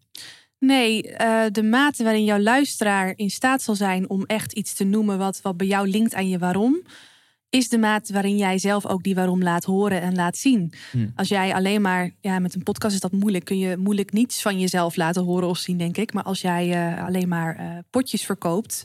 eh, Pindakaas verkoopt. pindakaas verkoopt, inderdaad. En je vraagt aan, aan consumenten van joh, waarom, waarom dat potje pindakaas? Dan krijg je inderdaad een antwoord op. ja, gewoon lekkere grove pinda's. Daar hou ik van. Het is niet allemaal, het is niet allemaal te smeuig. Terwijl, ja, die, die persoon kan niks zeggen over de man achter de pindakaas. Als hij die man achter de pindakaas niet kent. En zelfs als die man achter de pindakaas, een lekkere tongbreker, eh, als hij al wel wat van zichzelf zou vertellen. En het is weinig kwetsbaar of het is weinig menselijk. Het gaat, die praat vooral over dat productniveau. Dus waarom die dan grove pinda's gebruikt, noem maar wat. Ja, dan zal zo'n consument nog niet in staat zijn om echt eh, eh, waarom dingen aan te raken. Dus ook daarin mag je jezelf uitdagen om vanuit die waarom te gaan praten. Om ook iets kwetsbaars te delen. Om op die bühne te gaan staan. En, en over dat ene, eh, dat, e- die ene mislukking te praten. Ja, hoe, hoe meer je dat doet, hoe meer je mensen ook aan jou verbindt op dat niveau. En hoe hechter de verbinding ook is. Ja. Dat werkt twee kanten op. Dus het gaat er eigenlijk al nog los van of iemand überhaupt iets bij je wilt kopen. Want ja, als, het als ik het product niet nodig heb, houdt het toch op. Ja, Maar het gaat dus vooral over, oké, stel ik koop al iets bij jou. Wat, wat, wat creëert dan de betrokkenheid en de loyaliteit uiteindelijk? Dat ik klant blijf. Mhm. ja, Dan zit daar een emotionele, als ik een emotionele verbinding kan maken, ze, ze tunen daarop in, dan, Ja. Dan, dan wordt de klant, zou je kunnen zeggen, duurzaam. ja. In plaats van dat hij bij de volgende keer, als hij product nodig heeft, weer gaat lopen shoppen. Of zo. Ja, ja, dat zie je bijvoorbeeld bij, eh, een voorbeeld waar ik aan moet denken is Tony Chocolonely. Cho- Chocoloni. Tony Chocoloni. Ja. Hele lekkere chocola. Maar een deel van de smaak wordt bepaald door het verhaal erachter. Wat Ja. ze ook heel mooi op die wikkels eh, doen. En ze hebben volgens mij ook echt een, een, een spreker die helemaal... eh Ja, ze hebben een soort eh, evangelisch echt. Die, eh, evangelist heet hij. Ja, toch? Ja, volgens mij ook. Ja, die echt Die spreker noemt zich evangelist. Precies. Dus Even, even, even, het mission, de missionaris die je land intrekt Ja. om, om daarover te vertellen. Ja. en dat is volgens mij niet eens de founder, maar dat is wel iemand die gewoon vol passie kan vertellen over, het, over het, de visie Ja. achter dit product en, en de missie die ze, die ze voor ogen hebben met dit product. En dat maakt dus ook als ze een keer niet een lekkere smaak hebben, je wilt het wel proeven en je gaat het er toch over hebben, omdat het niet alleen heel lekker is, maar omdat er ook zo'n mooi verhaal achter zit. En dat is wat je deelt. De ambassadeurs ook maken. Dat is een goed voorbeeld, ja. Tony Chocoloni. Je koopt het, ja, je, ko- je koopt enerzijds omdat je het lekker vindt. En anderzijds ook omdat ook het ego zegt, ja, hier- hiermee doe je goed. Ja. En misschien wel beter dan zo'n andere reep Ja. chocola. Iemand die, die niet chocola zou eten, maar dit verhaal heeft gehoord, wordt toch nieuwsgierig naar de chocola. Ja. En zal dan toch even de moeite doen om naar dat chocolaschap te lopen. Ja. Om toch eens een keer een dat- smaakje uit te kiezen. En het tegelijkertijd en leuke wikkels en leuke kleurtjes. En een soort opstapeling dat je gewoon wel heel veel dingen goed doet, kan ik me voorstellen. Ja, Maar dan is een founding story een mooie, nou, is een verdubbelaar misschien van, Ja. van het succes. een nieuwe laag. Ik zit nu te denken ook weer toch aan die, die ondernemer, de hypothetische pindakaas eh, ondernemer. Daar waar er volgens mij nu een keten op eh, heel erg succesvol is, die puur zich richt op pindakaas. Mhm. Daar heb ik Sidney Brouwer ook al een paar keer over eh, horen, horen praten. Als, als voorbeeld van hey, hele duidelijke doelgroep, eh, hele duidelijk product. En dat heel goed doen met, Mhm. met persoonlijke aandacht. Met dat je het in mooie doosjes krijgt. En alleen maar pindakaas. Honderd verschillende soorten pindakaas, Ja. bij wijze van spreken. En ik zit dan ook te denken, denk, ja, als ik pindakaas wil hebben, ja, ik hoef niet meteen dan even, even, even het advocaat van de duivel. Ik hoef Mhm. niet meteen het, het, het, het huilverhaal te horen van, van die ondernemer. Ik Nee. ben gewoon op zoek naar verrekte goede pindakaas. Ja. Dus ik zit nog een beetje dan zo te zoeken als ik ondernemer ben, hè, eh, die, die, die mij weinig missie heeft, althans om de wereld per se beter te maken. Nee, ik ben gewoon super gaaf fan van, van dit product. Mhm. Ehm, ja, hoe, hoe, je daar dan, hoe je daar dan tot een founding story kan komen zonder meteen ja, de wereld te willen verbeteren of zo. Ik wil gewoon graaf pindakaas maken. Mag dat? Ja, dat mag. Dat mag zeker. Ja. Ehm, maar ook als je gewoon pindakaas wil maken, heb jij, heb, jij, eh, heb jij ook een bepaalde ondernemersreis doorlopen en ga je nog doorlopen. Waar ook interessante elementen in zitten. Hoe kom je bijvoorbeeld überhaupt tot dat je Pindakaas. pindakaas wil maken? En dat je, dat je, dat je niets liever doet dan dat. Dus Er zit ook wel een verhaal in, achter. toch? Ja, precies. Ja. En dat, dat zou ik wel boeiend vinden. Want ik ben helemaal geen pindakaaseter. Maar als ik dat verhaal zou horen. En jij hebt daar echt een, een, een mooi verhaal bij. Wat dus niet per se tranentrekkend hoeft te zijn. Maar wel eh, vol zit van, van visie en van overtuigingen van, van ondernemerschap. Ja, kan dat mij wel lonken. In, in Zwolle hebben we ook een, eh, een, een pindakaaswinkeltje. Om daar eens naar binnen te lopen. En al is het het het cadeau te doen, maar wel het cadeau te kunnen doen om het te kunnen geven van ja, ik moest dit kopen, want ik hoorde laatst dat verhaal en het is zo'n tof verhaal. Ja, hoe gaaf is dat? Dan heb je Ja. alleen een leuk cadeautje, maar dan heb je ook een mooi verhaal bij je cadeautje. Ja, ik moet een beetje denken aan, een goede sommelier. Die kan, Ja, joh, ja. die, kan die wijn lekker praten. Ja, Terwijl ik denk, ja joh, groot wit, weet je wel, ja, Ja. Chardonnay, weet ik veel. Maar die Ja. komt dan met een verhaal, joh, over een of andere boer in Frankrijk. En op een gegeven moment denk ik, nou, eh, ja, ja. kom maar door. sommelier is in staat om een, een glas wijn dat ik de avond ervoor nog heb gedronken zonder dat ik iets van een verhaal had gehoord. eh, Waarvan ik dacht, nou, een wijntje, ja, volgens mij gewoon een mediocre maar wijntje. Om dat opeens tot een, eh, tot een super high-end eh, exclusief wijntje te maken. Terwijl je, je zou haast denken dat die anders is gaan smaken. Ik denk dat je daar zoveel Ja, mee ik denk, kan... het, ik eh, denk het wel, ja. Ja, hè, dat je mensen zo kan manipuleren dat, dat ze denken dat ze wat anders proeven. Terwijl ze misschien de nacht daarvoor hetzelfde wijntje hebben gehad zonder dat ze. Alleen al wat ze zeggen. Ja, dit is gemaakt van bosbessen, een, een, Ja. een fruitige huppeleflup en een beetje chocola. En, dan, en dat je dan denkt van nou, nu ga ik proeven. En dat je dan ergens aan, oh, in de verte, Ja. misschien een Ja. beetje. Ja, Terwijl als je, anders had ik het er nooit uitgehaald eh, als niet-wijnkenner. klopt. Maar toevallig wel met een goede, mijn beste vriend is sommelier. Oké. Eh, maar, maar, maar, dat, maar dat kan dus ook. Da- daar zit dus dan ook verhaal in. Je kan dus, dat gaat dan nog. Het gaat dan niet over, hey, ik heb hier lekkere wijn. Dat is dus de waarom is die boeren die op een bepaalde manier zochten naar de juiste grondverhouding. En de, die hebben dat moeten testen, testen, testen. Totdat ze bij de perfecte combinatie uitkwamen van Mhm. de aroma. Is dat ook een waarom? Eh, ja, dat kan. Of ben ik het dan toch over de Nou, wat aan het je, hebben? Je hoeft, je hoeft niet per se zo ver door te denken. Want ik vind, als je als sommelier dus al op een hele bevlogen manier over die smaken kunt praten. Ja, het is, dan is het niet per se een founding story. Maar dan kan het nog steeds een heel boeiend, pakkend verhaal zijn. Ja. Dat, dat, dat gebeurt ook in een sterrenrestaurant. Dan krijg je een bordje voor je met nou, iets wat op, op anderhalf label past. Maar als je hoort wat er allemaal in zit, dan denk je... Huh, in dit, op, op dit bord zoveel ingrediënten. En dat is gefermenteerd en dat is eh, gerijpt in. En dat is op eh, ingezouten. En weet ik het wat allemaal voor, voor technieken. Maar dan zit je ernaar te kijken. Dat, nou, dat, het verhaal is veel groter dan wat ik op mijn bord zie liggen. Maar dat maakt het al...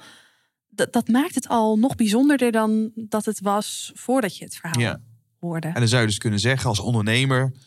ontneem mensen de kans niet om, om die gelaagdheid te leren kennen. Ja, klopt. En ontneem ook je bedrijf de kans niet om dat verhaal te vertellen. Ja. Want je doet jezelf. Ik, ik ga er even vanuit, eh, misschien een beetje een idealistische, ide- idealistische gedachte. Dat ieder bedrijf er toch wel is met het idee om de wereld eh, een beetje mooier te maken, de mensen een beetje gelukkiger te maken. Iets positiefs toe te willen voegen. En als dit daaraan kan bijdragen, waarom zou je het dan niet doen? Ja. Ja, tenzij je dus zelf inderdaad echt, echt, echt, echt eh, honderd doden sterft. Hoe zeg je dat? Als je dus gaat spreken. Ja. Dan moet je het misschien ook niet willen doen. Maar eh, ja, nee. Als, als je wel eh, makkelijk spreekt voor een groep. En ook al ben je dan bescheiden, kun je daar dan overheen zetten om dat hogere doel Ja. te dienen. En als mensen daarvoor kiezen, en bijvoorbeeld jou inschakelen als, als coach, hoe, hoe ziet dat eruit? Hoe, hoe help jij zo'n ondernemer aan zo'n founding story? Ja, nou, ik vind het belangrijk aan het begin van het traject om eerst stil te staan bij wat je dan wil bereiken. Eh, want zo'n traject eh, werkt door op, op, op verschillende lagen. Ik vind het fijn om met die ondernemer een stip op de horizon te plaatsen. Een evenement, een congres, een, nou, iets wat net wat randje van hun comfortzone ligt, als ze al wel bekend zijn met spreken. Waar ze ook een stukje return on investment op kunnen doen. Dus dat ze weten, en dat werkt bij B2B wat makkelijker dan bij B2C. ehm, van nou, als ik daar spreek en ik haal daar zoveel klanten uit, dan eh, nou, heb ik het traject al terugverdiend. Dat is, dat, dat is natuurlijk al heel fijn. Want het is niet alleen tof om te spreken, maar het mag ook wel wat opleveren, denk ik dan. Helemaal als we samen gaan werken. Ehm, en dan hebben we ook gelijk een project om mee aan de slag te gaan. Want uiteindelijk leer ik je ook de presentatie skills. En dan is het wel fijn als je niet alleen iets hypothetisch hebt, maar als je ook echt een project hebt waarop je dat toe kan passen. Ehm, dus, dus dat is die stip aan de horizon. Tussentijds daag ik ze uit om, om ook op kleinere schaal kleine snippets van dat verhaal te vertellen. Dus dat kan zijn ehm, ja, gewoon persoonlijke verhalen, een stukje storytelling. Misschien een vlogje, misschien een podcast, misschien een videootje. Ja, het kan van echt van alles zijn. Of een blogpost zou ook haast wel kunnen. Dus je, bent ook echt, je gaat echt nadenken over hey, wat zijn de modaliteiten, wat is de content die je kan bouwen Ja. om uiteindelijk dat verhaal meer zichtbaar te maken. Ja, ja, en dan zijn een aantal factoren belangrijk. Want ik vind het belangrijk dat een ondernemer zelf het gevoel heeft van... hé, hey, dit vind ik leuk om te doen. Want ik kan wel tegen jou zeggen, ga een podcast beginnen... maar als jij daar geen energie van krijgt, is het ook niet iets duurzaams. Dan kost het je energie in. Dat, dat werkt gewoon sowieso niet. Ja. Even los van of het strategisch goed zou kunnen werken. Eh, maar het mag ook bij je bedrijf passen. Want als jij, met, als jij voor iets kiest waarbij je een, een doelgroep aanspreekt... die helemaal niet... Nee, je gaat op, op Face- Facebook lives geven, maar jouw doelgroep zit helemaal niet op Facebook. Ja, dan is het natuurlijk ook zonde. Dus daar moet het strategisch moet het ook passen. Ehm, en ik wil gewoon ook dat je, dat je gaat oefenen. Want spreken is een vaardigheid. En dat, dat, gaat, dat gaat niet over één nacht ijs. Dat moet je oefenen, verbeteren.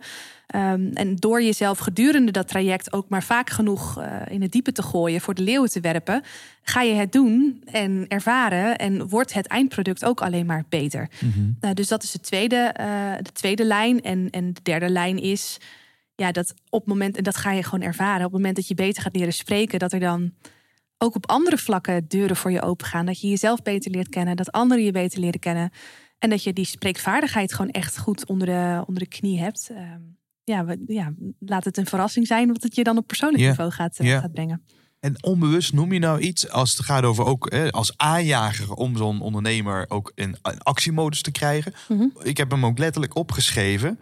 Eh, daar heb ik helemaal niet zo bij stilgestaan. Maar er is in ieder er is een moment suprem.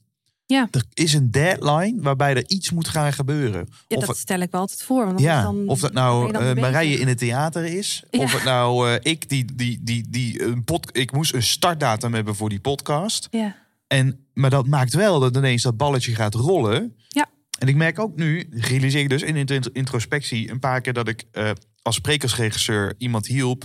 Maar daar was eigenlijk, er was niet dat moment. En dan blijft het toch ergens een beetje in het luchtledige hangen. Dat je denkt Ja. van, oh wauw, ik heb, ik, heb, ik, heb, ik heb veel geleerd. Ik ben beter geworden in wat ik doe. Maar ja, ja, en nu kan ik er eigenlijk niks mee, want ik kan het Ja. niet inzetten. En dan, dan blijft een beetje die voldoening of die wow, weet je wel, high five, we did it. ja. Die blijft dan uit. Dat is Ja. eigenlijk hartstikke zonde. Ja, klopt. En dat is ook wel het gevaar van, van, van dit vak, van ons vak, van het sprekersvak. Dat het is voor iedereen interessant. Maar als, als je er maar één keer in het jaar wat mee doet, ga je er nooit zoveel mee bereiken als wanneer je zelf echt het podium opzoekt, jezelf voor de leeuw werpt. En, en ja, want dan pas kan je het echt toepassen. Ja. Ehm, dus ik vind het gewoon heel belangrijk aan het begin van het traject om die stip op de horizon neer te zetten. En het verloop van het traject houdt dan in dat, je, eh, dat we en op strategisch niveau gaan kijken van hoe, hoe we het verhaal in gaan zetten, welk verhaal je gaat vertellen.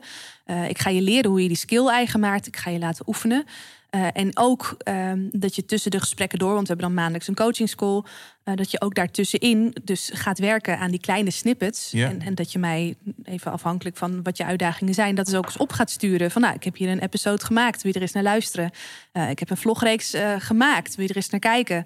Je mening geven, wat kan ik nog verbeteren? Dus dat ik ook echt op een ja, wat meer praktisch, eh, operationeel niveau je ga helpen en ga van feedback ga voorzien. En je cheerleader ben, want dat is ook iets wat, wat toch wel belangrijk is bij, wanneer je jezelf voor de leeuw Dus er zit hem eigenlijk een heel erg in marketing ook, wat je dan Ja. doet. Ja. Los van de techniek van spreken en, en, en Ja. ontspannend de, de- dat leren, daar oké mee zijn. Ja. Ook gewoon, hey, joh, hoe, hoe, ziet zo'n, hoe ziet je contentkalender eruit? In welke Ja. vorm goed je dat? Een blog? Of Ja. wat, dan ook bij je past. Ja. ja, en daar zit wel een beetje het spanningsveld, want ik zie mezelf niet als marketeer. Eh, hoewel dit wel heel erg leunt naar marketing. Dus, dus mijn advies is ook altijd wel aan klanten van joh, eh, ergens vind ik het heel belangrijk dat als jij een marketingteam hebt, dat je die op een gegeven moment aanhaakt, omdat dit een nieuwe eh, onderdeel kan worden van je marketingmix, een nieuw onderdeel mag worden. En dan is het wel fijn als het ook klopt bij het geheel. En dat, dat een team van marketing je ook gaat ondersteunen om, om de juiste podia uit te zoeken, om, om de juiste content daaromheen te schrijven. Dus dat het echt weer eh, ja, eh, op wordt genomen in het grote geheel. Ja, mooi. Hey, we ontkomen er niet aan als voormalig Nederlands kampioen speechen.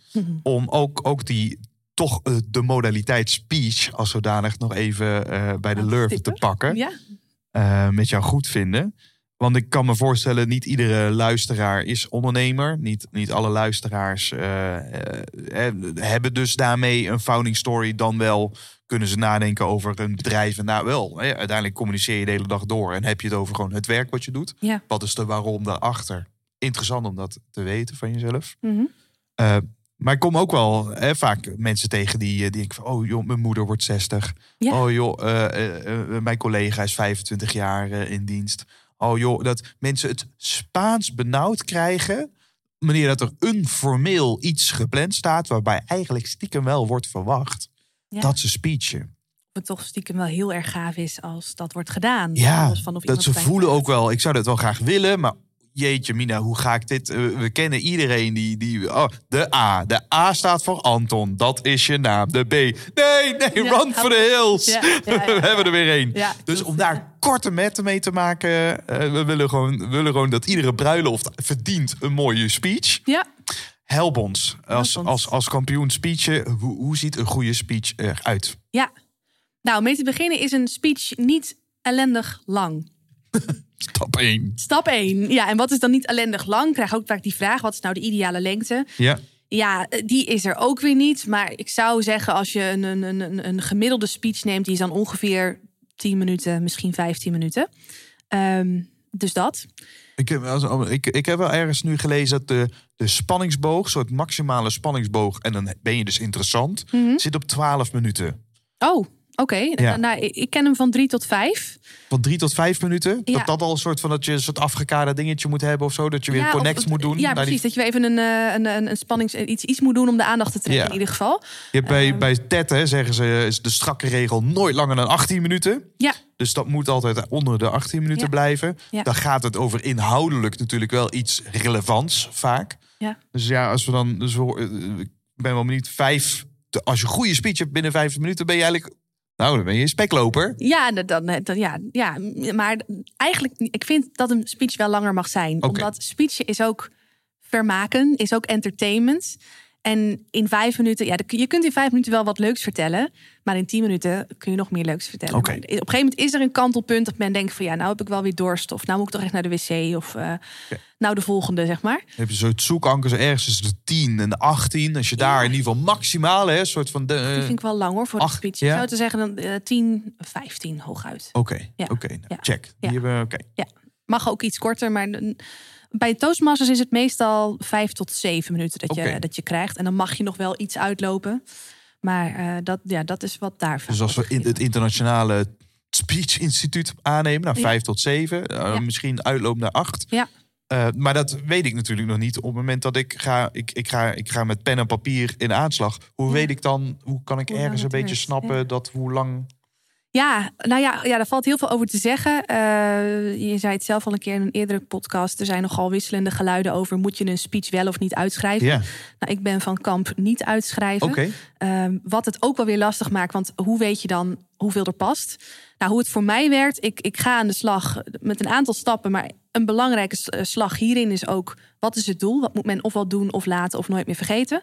Wat zijn de, nou bij speech twee of drie pijlers die ik ga eh, gebruiken om tot dat doel te komen, als argumenten, als, als fun- fundament? Ehm, en uiteindelijk, als ik, als ik dat dan heb, dan heb ik de basis en dan kan ik het verhaal daaromheen gaan vertellen. Nou, nou zul je het ongetwijfeld herkennen dat als je ergens iets over mag vertellen, dan weet je er of veel vanaf of je voelt er een enorme passie voor. Vaak een combinatie van beide.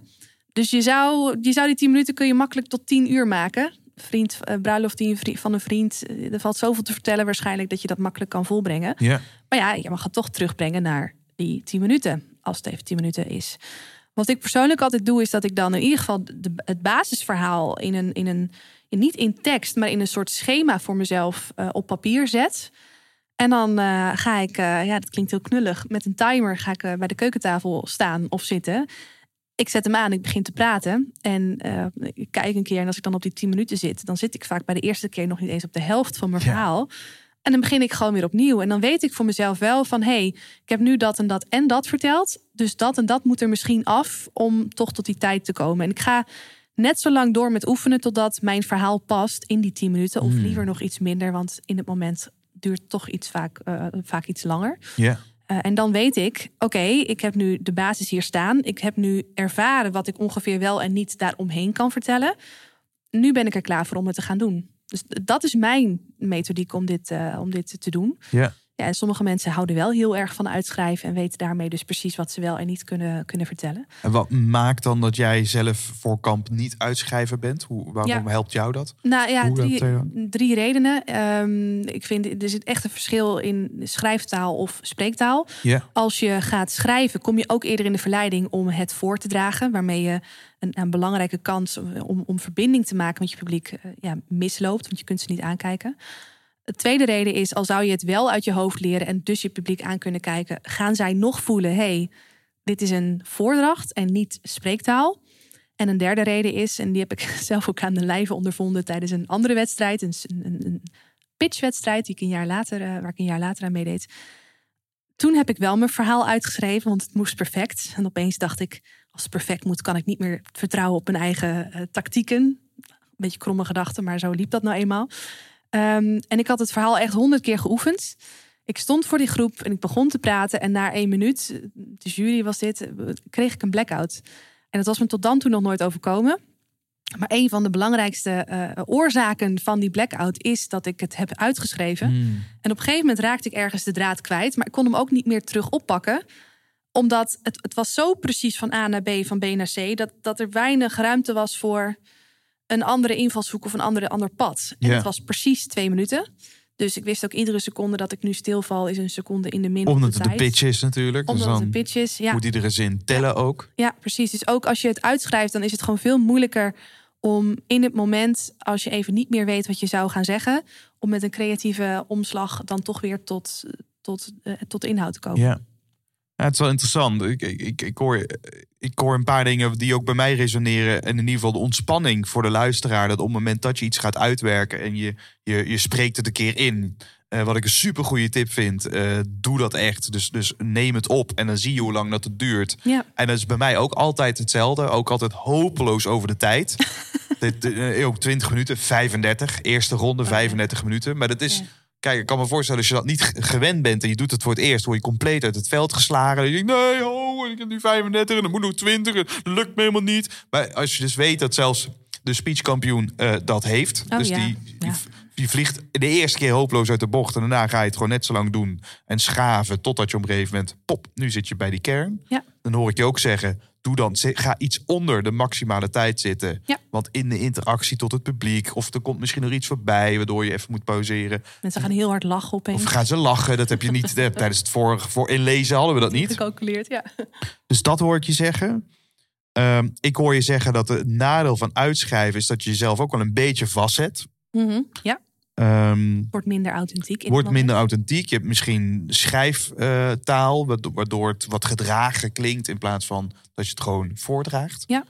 Ehm, en ik, ik- de- als, als acteur was, dat- was dat het uit het hoofd leren van de tekst was echt de bare minimum. Mhm. Dus ik vond het ook wel zoiets op het moment dat vaak als speech, als je speech hebt geschreven en je kent het uiteindelijk uit je hoofd, ben je misschien al boven gemiddeld. Want de meeste mensen houden die blaadjes vast Ja. en die gaan dan voorlezen. Ja. Maar stel je kent het uit je hoofd, ja, dan begint pas het repeteren in de theaterwereld. Ja. Dan ga je daarna nog helemaal zetten en, en ermee spelen. Ja. En, en dan heb je dus, dus een verschil tussen tekst uit je hoofd hebben geleerd en tekstvrijheid. Ja, klopt. En ik vond het ook heel mooi. Dat kwam eh, ter sprake ook in jouw podcast laatst met eh aflevering met Guido Weijers. Die zei ook van ja, ik, ik schrijf wel alles uit. Maar in het, in het moment eh, bij die try-outs ontstaat er toch heel organisch een nieuwe versie. En na verloop van tijd ga ik die organisch gevormde nieuwe versie eens leggen naast de oorspronkelijke versie. En ik pak best of both worlds. En er komt weer een derde versie uit. Eh, dus daar geloof ik ook wel heel erg in. Dus dan kun je het best uitschrijven, zolang je maar niet te veel vastpint op dat wat je daadwerkelijk geschreven Ja. hebt.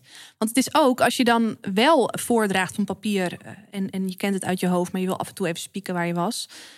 Het, het is heel moeilijk om midden in een verhaal weer even terug te gaan naar, oh ja, wat moest ik nou ook alweer vertellen? Want je, je ziet dan niet in één oogopslag waar je bent, wat weer een onderbreking geeft, dat weer een ongemakkelijk gevoel geeft, dat je weer uit de flow haalt. Dus dat, dat, komt, dat komt de meeste sprekers ook niet ten goede bij het geven van een speech. Nee. Nee, en dan zeg jij, dan heb jij meer een soort. Hoe doe jij dat? Is dat een soort brainwave of zo? Of soort, eh, hoe, teken jij jouw verhaal dan uit? Ja, ik, ik heb een, ehm, een, een, een, ja, een rechthoek. En voor mezelf, eh, de, de methodiek die ik ook leer aan andere mensen, die rechthoek die wordt opgesplitst in een aantal vakjes. En ieder vakje heeft een bepaald doel. En ik ga mijn verhaal in, wel in bullets in die vakjes zetten. Dus ik weet op een gegeven moment, ik ben nu bij het middenstuk. Ik ben nu bij het tweede punt dat ik wil maken. Oh, wacht, dan moet ik in ieder geval eh, moet ik deze, deze dingen niet vergeten. Dus ik kan dan heel makkelijk terughalen van hé, hey, waar ben ik in het verhaal? Ik pak de tekeningen er eigenlijk bij.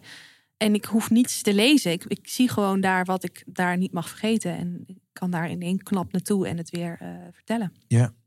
Mooi, dus je hebt een soort visuele representatie. Ja. Daar kun je kernzinnen inzetten of kernwoorden. Tekens. Maar je loopt gewoon stap voor stap die blokken af. Ja. En je weet dus waarom dat je het zegt, want dat heb je benoemd. En je hebt eh, door kernwoorden snap je ook wat de aard was van wat Ja. je wilt zeggen. Wordt visueel, klopt. Ja. Ja.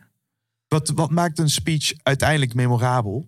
Dus wat, als het gaat over nooit meer vergeten. Nou, Ja. wat, wat zijn dingen die je kan doen waardoor een speech nooit meer vergeten wordt? Eenvoud vind ik echt een, eh, een heel belangrijk item. En dat is ook heel moeilijk. Want we zijn geneigd om heel veel te vertellen. Ja. Ehm, maar als je één centraal punt hebt, één centraal thema, één centraal doel, wat ze dus of moeten doen, laten of nooit meer vergeten.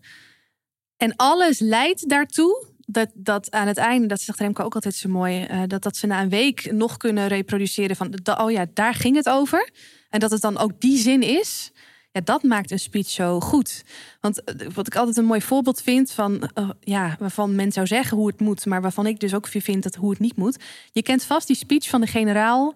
eh, die heel groot is op YouTube, die vaak gedeeld wordt ook op, op social media. Die tijdens een, een Harvard prijsuitreiking, of een, een, hoe heet het, een ehm, diploma-uitreiking, in zijn speech van 20 minuten eh, tien levenslessen deelt aan, aan de studenten. Oké. En nu gaat er misschien nog geen belletje rinkelen, maar dat gaat straks komen. De eerste les van die tien is namelijk make your bed. Volgens mij heet uiteindelijk die speech ook zo. Van eh, maak aan het begin van de dag je bed op. Want hoe je dag ook is, dan heb je in ieder geval één ding goed gedaan die dag. Dat is de eerste van de tien wijze levenslessen die hij de studenten mee wil geven. Nou, ten eerste, als ik begin over deze speech, bijna niemand herkent hem. Totdat ik zeg, ja, die Make up van your make bed. your bed, make your, ja, precies. Maar eh, dat, dat is mooi, want dat is memorabel. Maar volgens mij had hij dus tien belangrijke punten. En de andere negen, ik weet het niet. Terwijl ik Nee. al twee of drie keer heb bekeken. En ik hoor ook nooit iemand over een andere les die hij heeft geleerd. Dus als het vanaf het begin af aan zijn doel is geweest om dat eh, over te brengen, dan is hij geslaagd. Maar ik denk dat je gewoon veel minder dingen moet willen vertellen om, om echt diepgang op te zoeken en om echt te blijven hangen. Dus hoe, hoe, hoe, hoe meer eenvoud eh, met wel wat, wat, wat show eromheen, maar wel een heel duidelijk doel, hoe krachtiger en hoe memorabeler de speech. Ja. Dus dit gaat echt over eh, schrappen, over kill your darlings, Ja. over Choose your battles. ja, alle, grootspraak die we ervan kennen. Om uiteindelijk maar, wat is nou, als ze maar één ding onthouden, wat is dan dat ene ding? En dan, ja. jij had, als, als hij jouw eh coachie was geweest, had je dus gezegd van, joh, make your bed, eh, pak hem daarop en doe er misschien twee bij. Maar dat is ja, het dan. dat eh, is het dan. Ja. Drie tips in plaats van tien. Ja, want hoe meer je gaat vertellen, hoe minder er blijft hangen. Want als ik weet dat er tien tips komen en ik ben bij drie en ik weet de eerste al niet meer, denk ik, oh laat maar. Terwijl als ik bij drie weet van ja, het was dat en dat, maar ik weet dat er vijf zijn, ga ik meer mijn best doen om ze allemaal te onthouden. Ja. Ehm, en om het dan even praktisch te maken, stel je hebt die bruiloft, je bent de, de first man of eh, je bent de getuige, weet ik veel wat, je mag speechen. Hoe pas je dit dan toe? Nou, als jij aan die vriend of aan dat familielid denkt, wat is dan een bepaalde eigenschap of wat is dan een bepaald iets wat, wat men echt moet weten van die persoon? Nou, zet dat neer in het kader van bijvoorbeeld nooit meer vergeten. En ga dan twee of drie anekdotes vertellen m- met jou, door jou, vanuit jou, in relatie tot die persoon. Ehm, waarin dat tot uiting komt, dan is, dan is nog steeds het centrale thema dat wat je niet meer mag vergeten van die vriend. Met jouw eigen persoonlijke invulling ervan, wat mensen wellicht herkennen als ze die persoon herkennen. Ehm, maar dan, dan straalt het wel weer die eenheid uit, die eenvoud uit. En dat, eh, ja, dat, dat vind ik gewoon heel mooi aan speeches, als ze in die eenvoud kunnen blijven. Mooi. Ja. Dus je hebt dan eigenlijk één, één, één, één zin, één eh, inzicht wat je wilt delen. En, en daar bouw je dan verschillende verhalen omheen. Ja, Verschillende ervaringen die je ooit hebt gehad, die uiteindelijk wel allemaal leiden tot datzelfde. Ja. Oké, mooi. het liefst ook ervaringen, helemaal bij zo'n bruiloft, waar ook emotie in zit. Ja. Het moois wat je samen hebt beleefd, samen gehuild, samen gelachen. Dat, eh, dat is het idee. Ja, En als ik nog even een andere suggestie mag doen. zeker. Ook een van de zoveel die er te maken vallen. Maar eh, helemaal in de gelegenheid waar er meer speeches zullen komen. Kijk eens of je, of je het iets anders kan doen. Of je iets mee kan nemen. Of je een bepaalde metafoor mee kan nemen. Letterlijk door dat daar te laten zien. Of en weer terug kan laten komen in je verhaal. Of een bepaald kledingstuk. Of iets waarmee je net even anders bent dan die andere speeches. Even los van de inhoud. Mm. Dat, eh, nou, dat doet het ook heel goed. Nadenken over een metafoor. Ja. Eh, kun je een voorbeeldje geven daarvan? Wat, wat, Ja, zeker. Ehm, nou, ik vind het wel leuk om, om even mijn eigen winnen, winnende speech erbij te halen van 2017. Ik heb getracht om Erik Scherder, die ken je wellicht, Ja. om zijn Neuropsycholoog, lezing-? Ja, ja, hele moeilijke materie op een onwijs en dat maakt hem ook zo bijzonder op een onwijs leuke manier, aantrekkelijke manier gebracht, ook voor leken zoals, Ja. eh, zoals wij, of in ieder geval zoals ik. Ehm, ik, ik heb getracht een, een lezing die ik van hem heb bijgewoond van anderhalf uur, waarin ik echt enorm geboeid was en gefascineerd was door zijn, de manier waarop hij dat bracht, om die terug te brengen naar een speech van 10 minuten. Nou, dat, er was één hele duidelijke boodschap. eh, en dat was eh, in mijn speech in ieder geval: eh, zorg dat je iedere dag een half uur beweegt. Dat is goed voor je hersenen. En ik had in die speech had ik. Ja, ik had op meerdere creatieve elementen toegevoegd. Want ik hou heel erg van creativiteit. Dat stimuleer ik ook altijd als mensen dus een eigen speech of presentatie gaan geven. Ik had en zelf eh, sportkleding aangedaan en daar ook iets mee gedaan in die speech. En ik had ehm, ja, iets uitgedacht. Ik wilde diverse eh, hersenonderdelen met elkaar laten praten. Dus je hebt je amygdala, je hebt je frontale hoofdkwap en was nog iets. Ehm, en ik, ik heb dan twee keer een situatie geschetst waarin er een soort van conflict plaatsvond tussen die drie hersendelen. En ik liet dan het publiek dat conflict naspelen. Dus ik gaf in het moment in het publiek briefjes uit. Jij bent mijn amygdala, jij bent dit en jij bent dat. Ik ging de situatie vertellen en toen zei mijn amygdala en toen wees ik naar die persoon dat. En toen zei mijn frontale hoofdkwap dat. Nou, clash. Ehm, om uiteindelijk tot het punt te komen dat het dus heel belangrijk is dat die verschillende hersenonderdelen met elkaar verbonden worden. Om gezond te functioneren, om, om blij te kunnen zijn. Uh, en dat kun je bereiken door te gaan sporten. Dus eh, de boodschap was heel simpel: iedere dag een half uur bewegen. Maar door een aantal creatieve elementen toe te passen, waaronder dus kleding ook in dit geval. Uh, heb ik echt het verschil gemaakt. Ik denk dat het een van de belangrijkste factoren is geweest, geweest dat heeft gemaakt dat ik die, die wedstrijd heb gewonnen. Dus dat, ja, dat vind ik ook tof aan een speech. Helemaal als je uh, allemaal mensen in pak hebt. Kijk eens of je iets kan doen waarmee jij er even los van de inhoud van je verhaal ook tussenuit springt. Ja, dus hier zit misschien ook wel het meest moeilijke eh, goud. Want het gaat over creativiteit. Dat gaat over En durf. anders durven doen Ja, ja. Dan, dan wat er van je wordt verwacht. Ja. Eh, maar wel super origineel om gewoon teksten inderdaad uit te delen in, in het publiek. En als het ware zo'n dialoog te ontketenen. Waarin, ja, waarin zij gewoon die, die vraag, of de opmerking konden voorlezen. Maar dat voor de luisteraars natuurlijk een hele leuke dynamiek Ja. oplevert. Waarbij het haast een soort ja, mini-toneelstukje wordt. Ja, eh, in Ja. plaats van een gorddroge tekst over hoe het brein werkt. En dat het belangrijk is om te wandelen. klopt. En voor mij ook super uitdagend. Ik had wat dat betreft beter niet kunnen doen. Want eh, de, de eerste ronde was voor mijn eigen speechclub. Dat was een man of mm, eh, 15 ongeveer. Ik weet niet eens meer precies. Eh, dat, dat was een hele andere setting. Als, als daar iemand wat zei, kon die persoon het prima horen. Maar een van de volgende wedstrijden was voor een zaal, een beetje een theateropstelling. Dus dat was al veel moeilijker. Ik moest echt instrueren van, joh, hard praten, want anders hoort de rest het niet. Dus dan heb je opeens een hele andere eh, eh, omgeving Dynamiek. te maken, dynamiek te maken. Ja. Dus dat, dat, dat, ja, dat maakt het voor mij ook wel extra uitdagend. En je hebt te maken met een tijdsfactor. Ik moest wel binnen die tijd blijven. Ja. Dus ik heb, ja, ik heb wat dat betreft wel echt de, de spanning opgezocht voor mezelf ook. Maar dat heeft uiteindelijk wel geleid tot, eh, tot mooie successen. Wel dus origineel en, en, en Ja. eigen en eh, ja, inspirerend. Ik denk, ik denk een mooi, mooi slotadvies eh, Ja, voor nou, de luisteraar. wij gaan namelijk langzaam de onspot vragen. oké.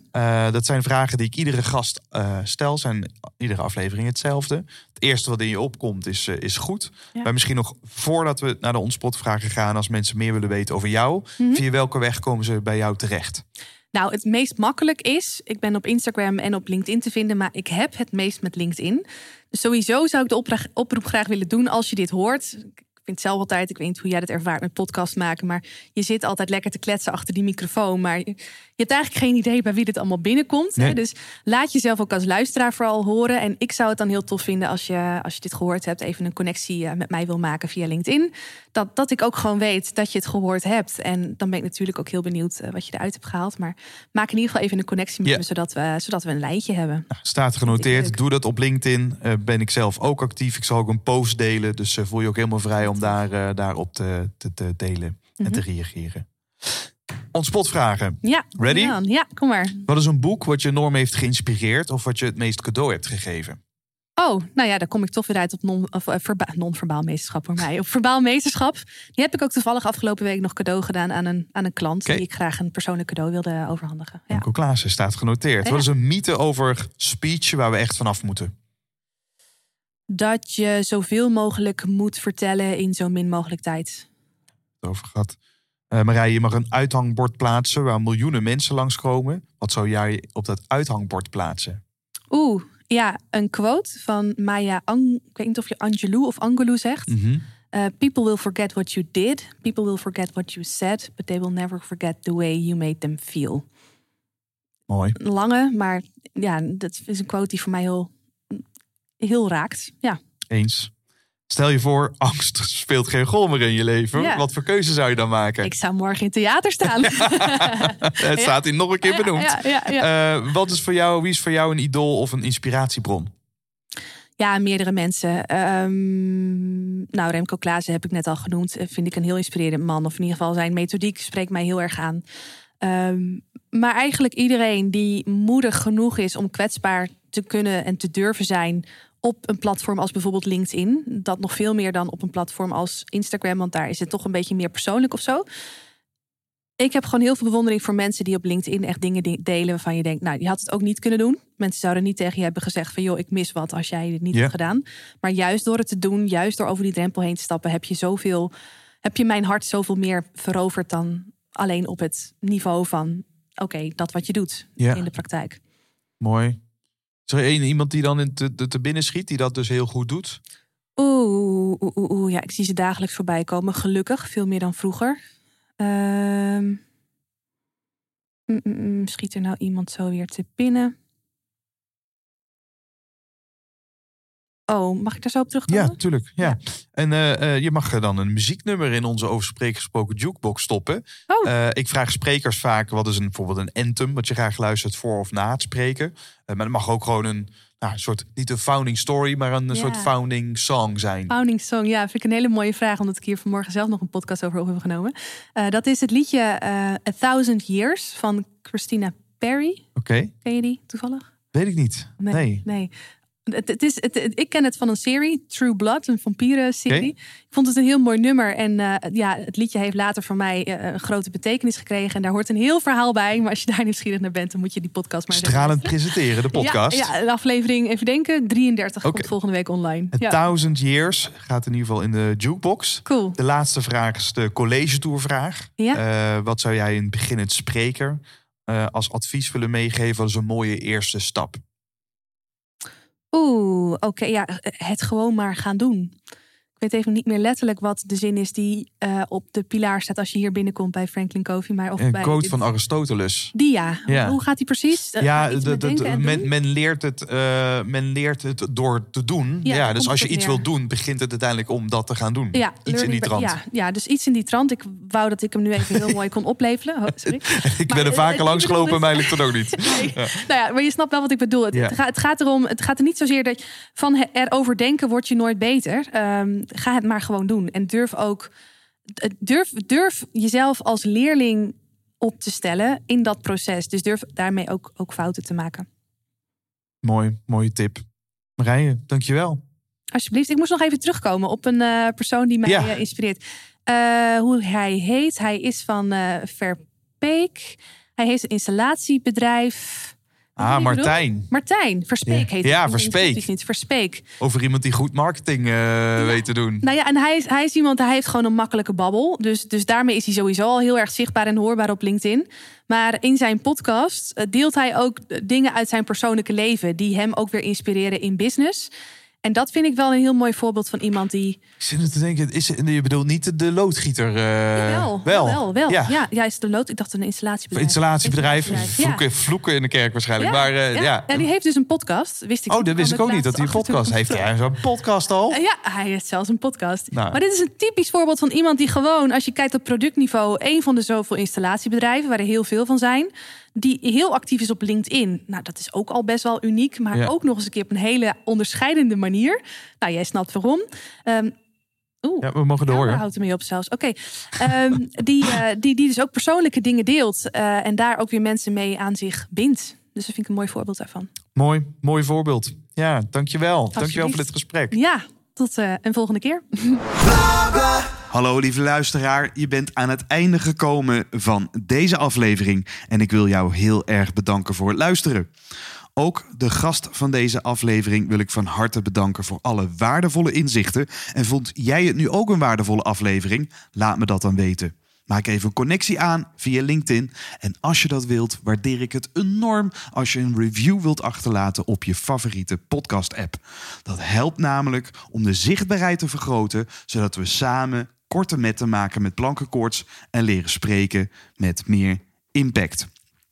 Wil je meer informatie over de podcast? Check dan mijn website www.glenvergozen.nl. En wil je zelf ook praten met resultaten? Dat kan. Ga dan naar www.desprekersregisseur.nl en meld je aan voor de gratis Online Sprekers Academy. Dit is een gratis online training met de negen beste lessen van twee jaar over spreken gesproken podcast. De missie van de Over Spreken Gesproken podcast is om jou te helpen je stem te vinden, zodat jij, anderen kunt inspireren datzelfde te doen. Ik wil je heel erg bedanken voor het luisteren en graag tot de volgende aflevering.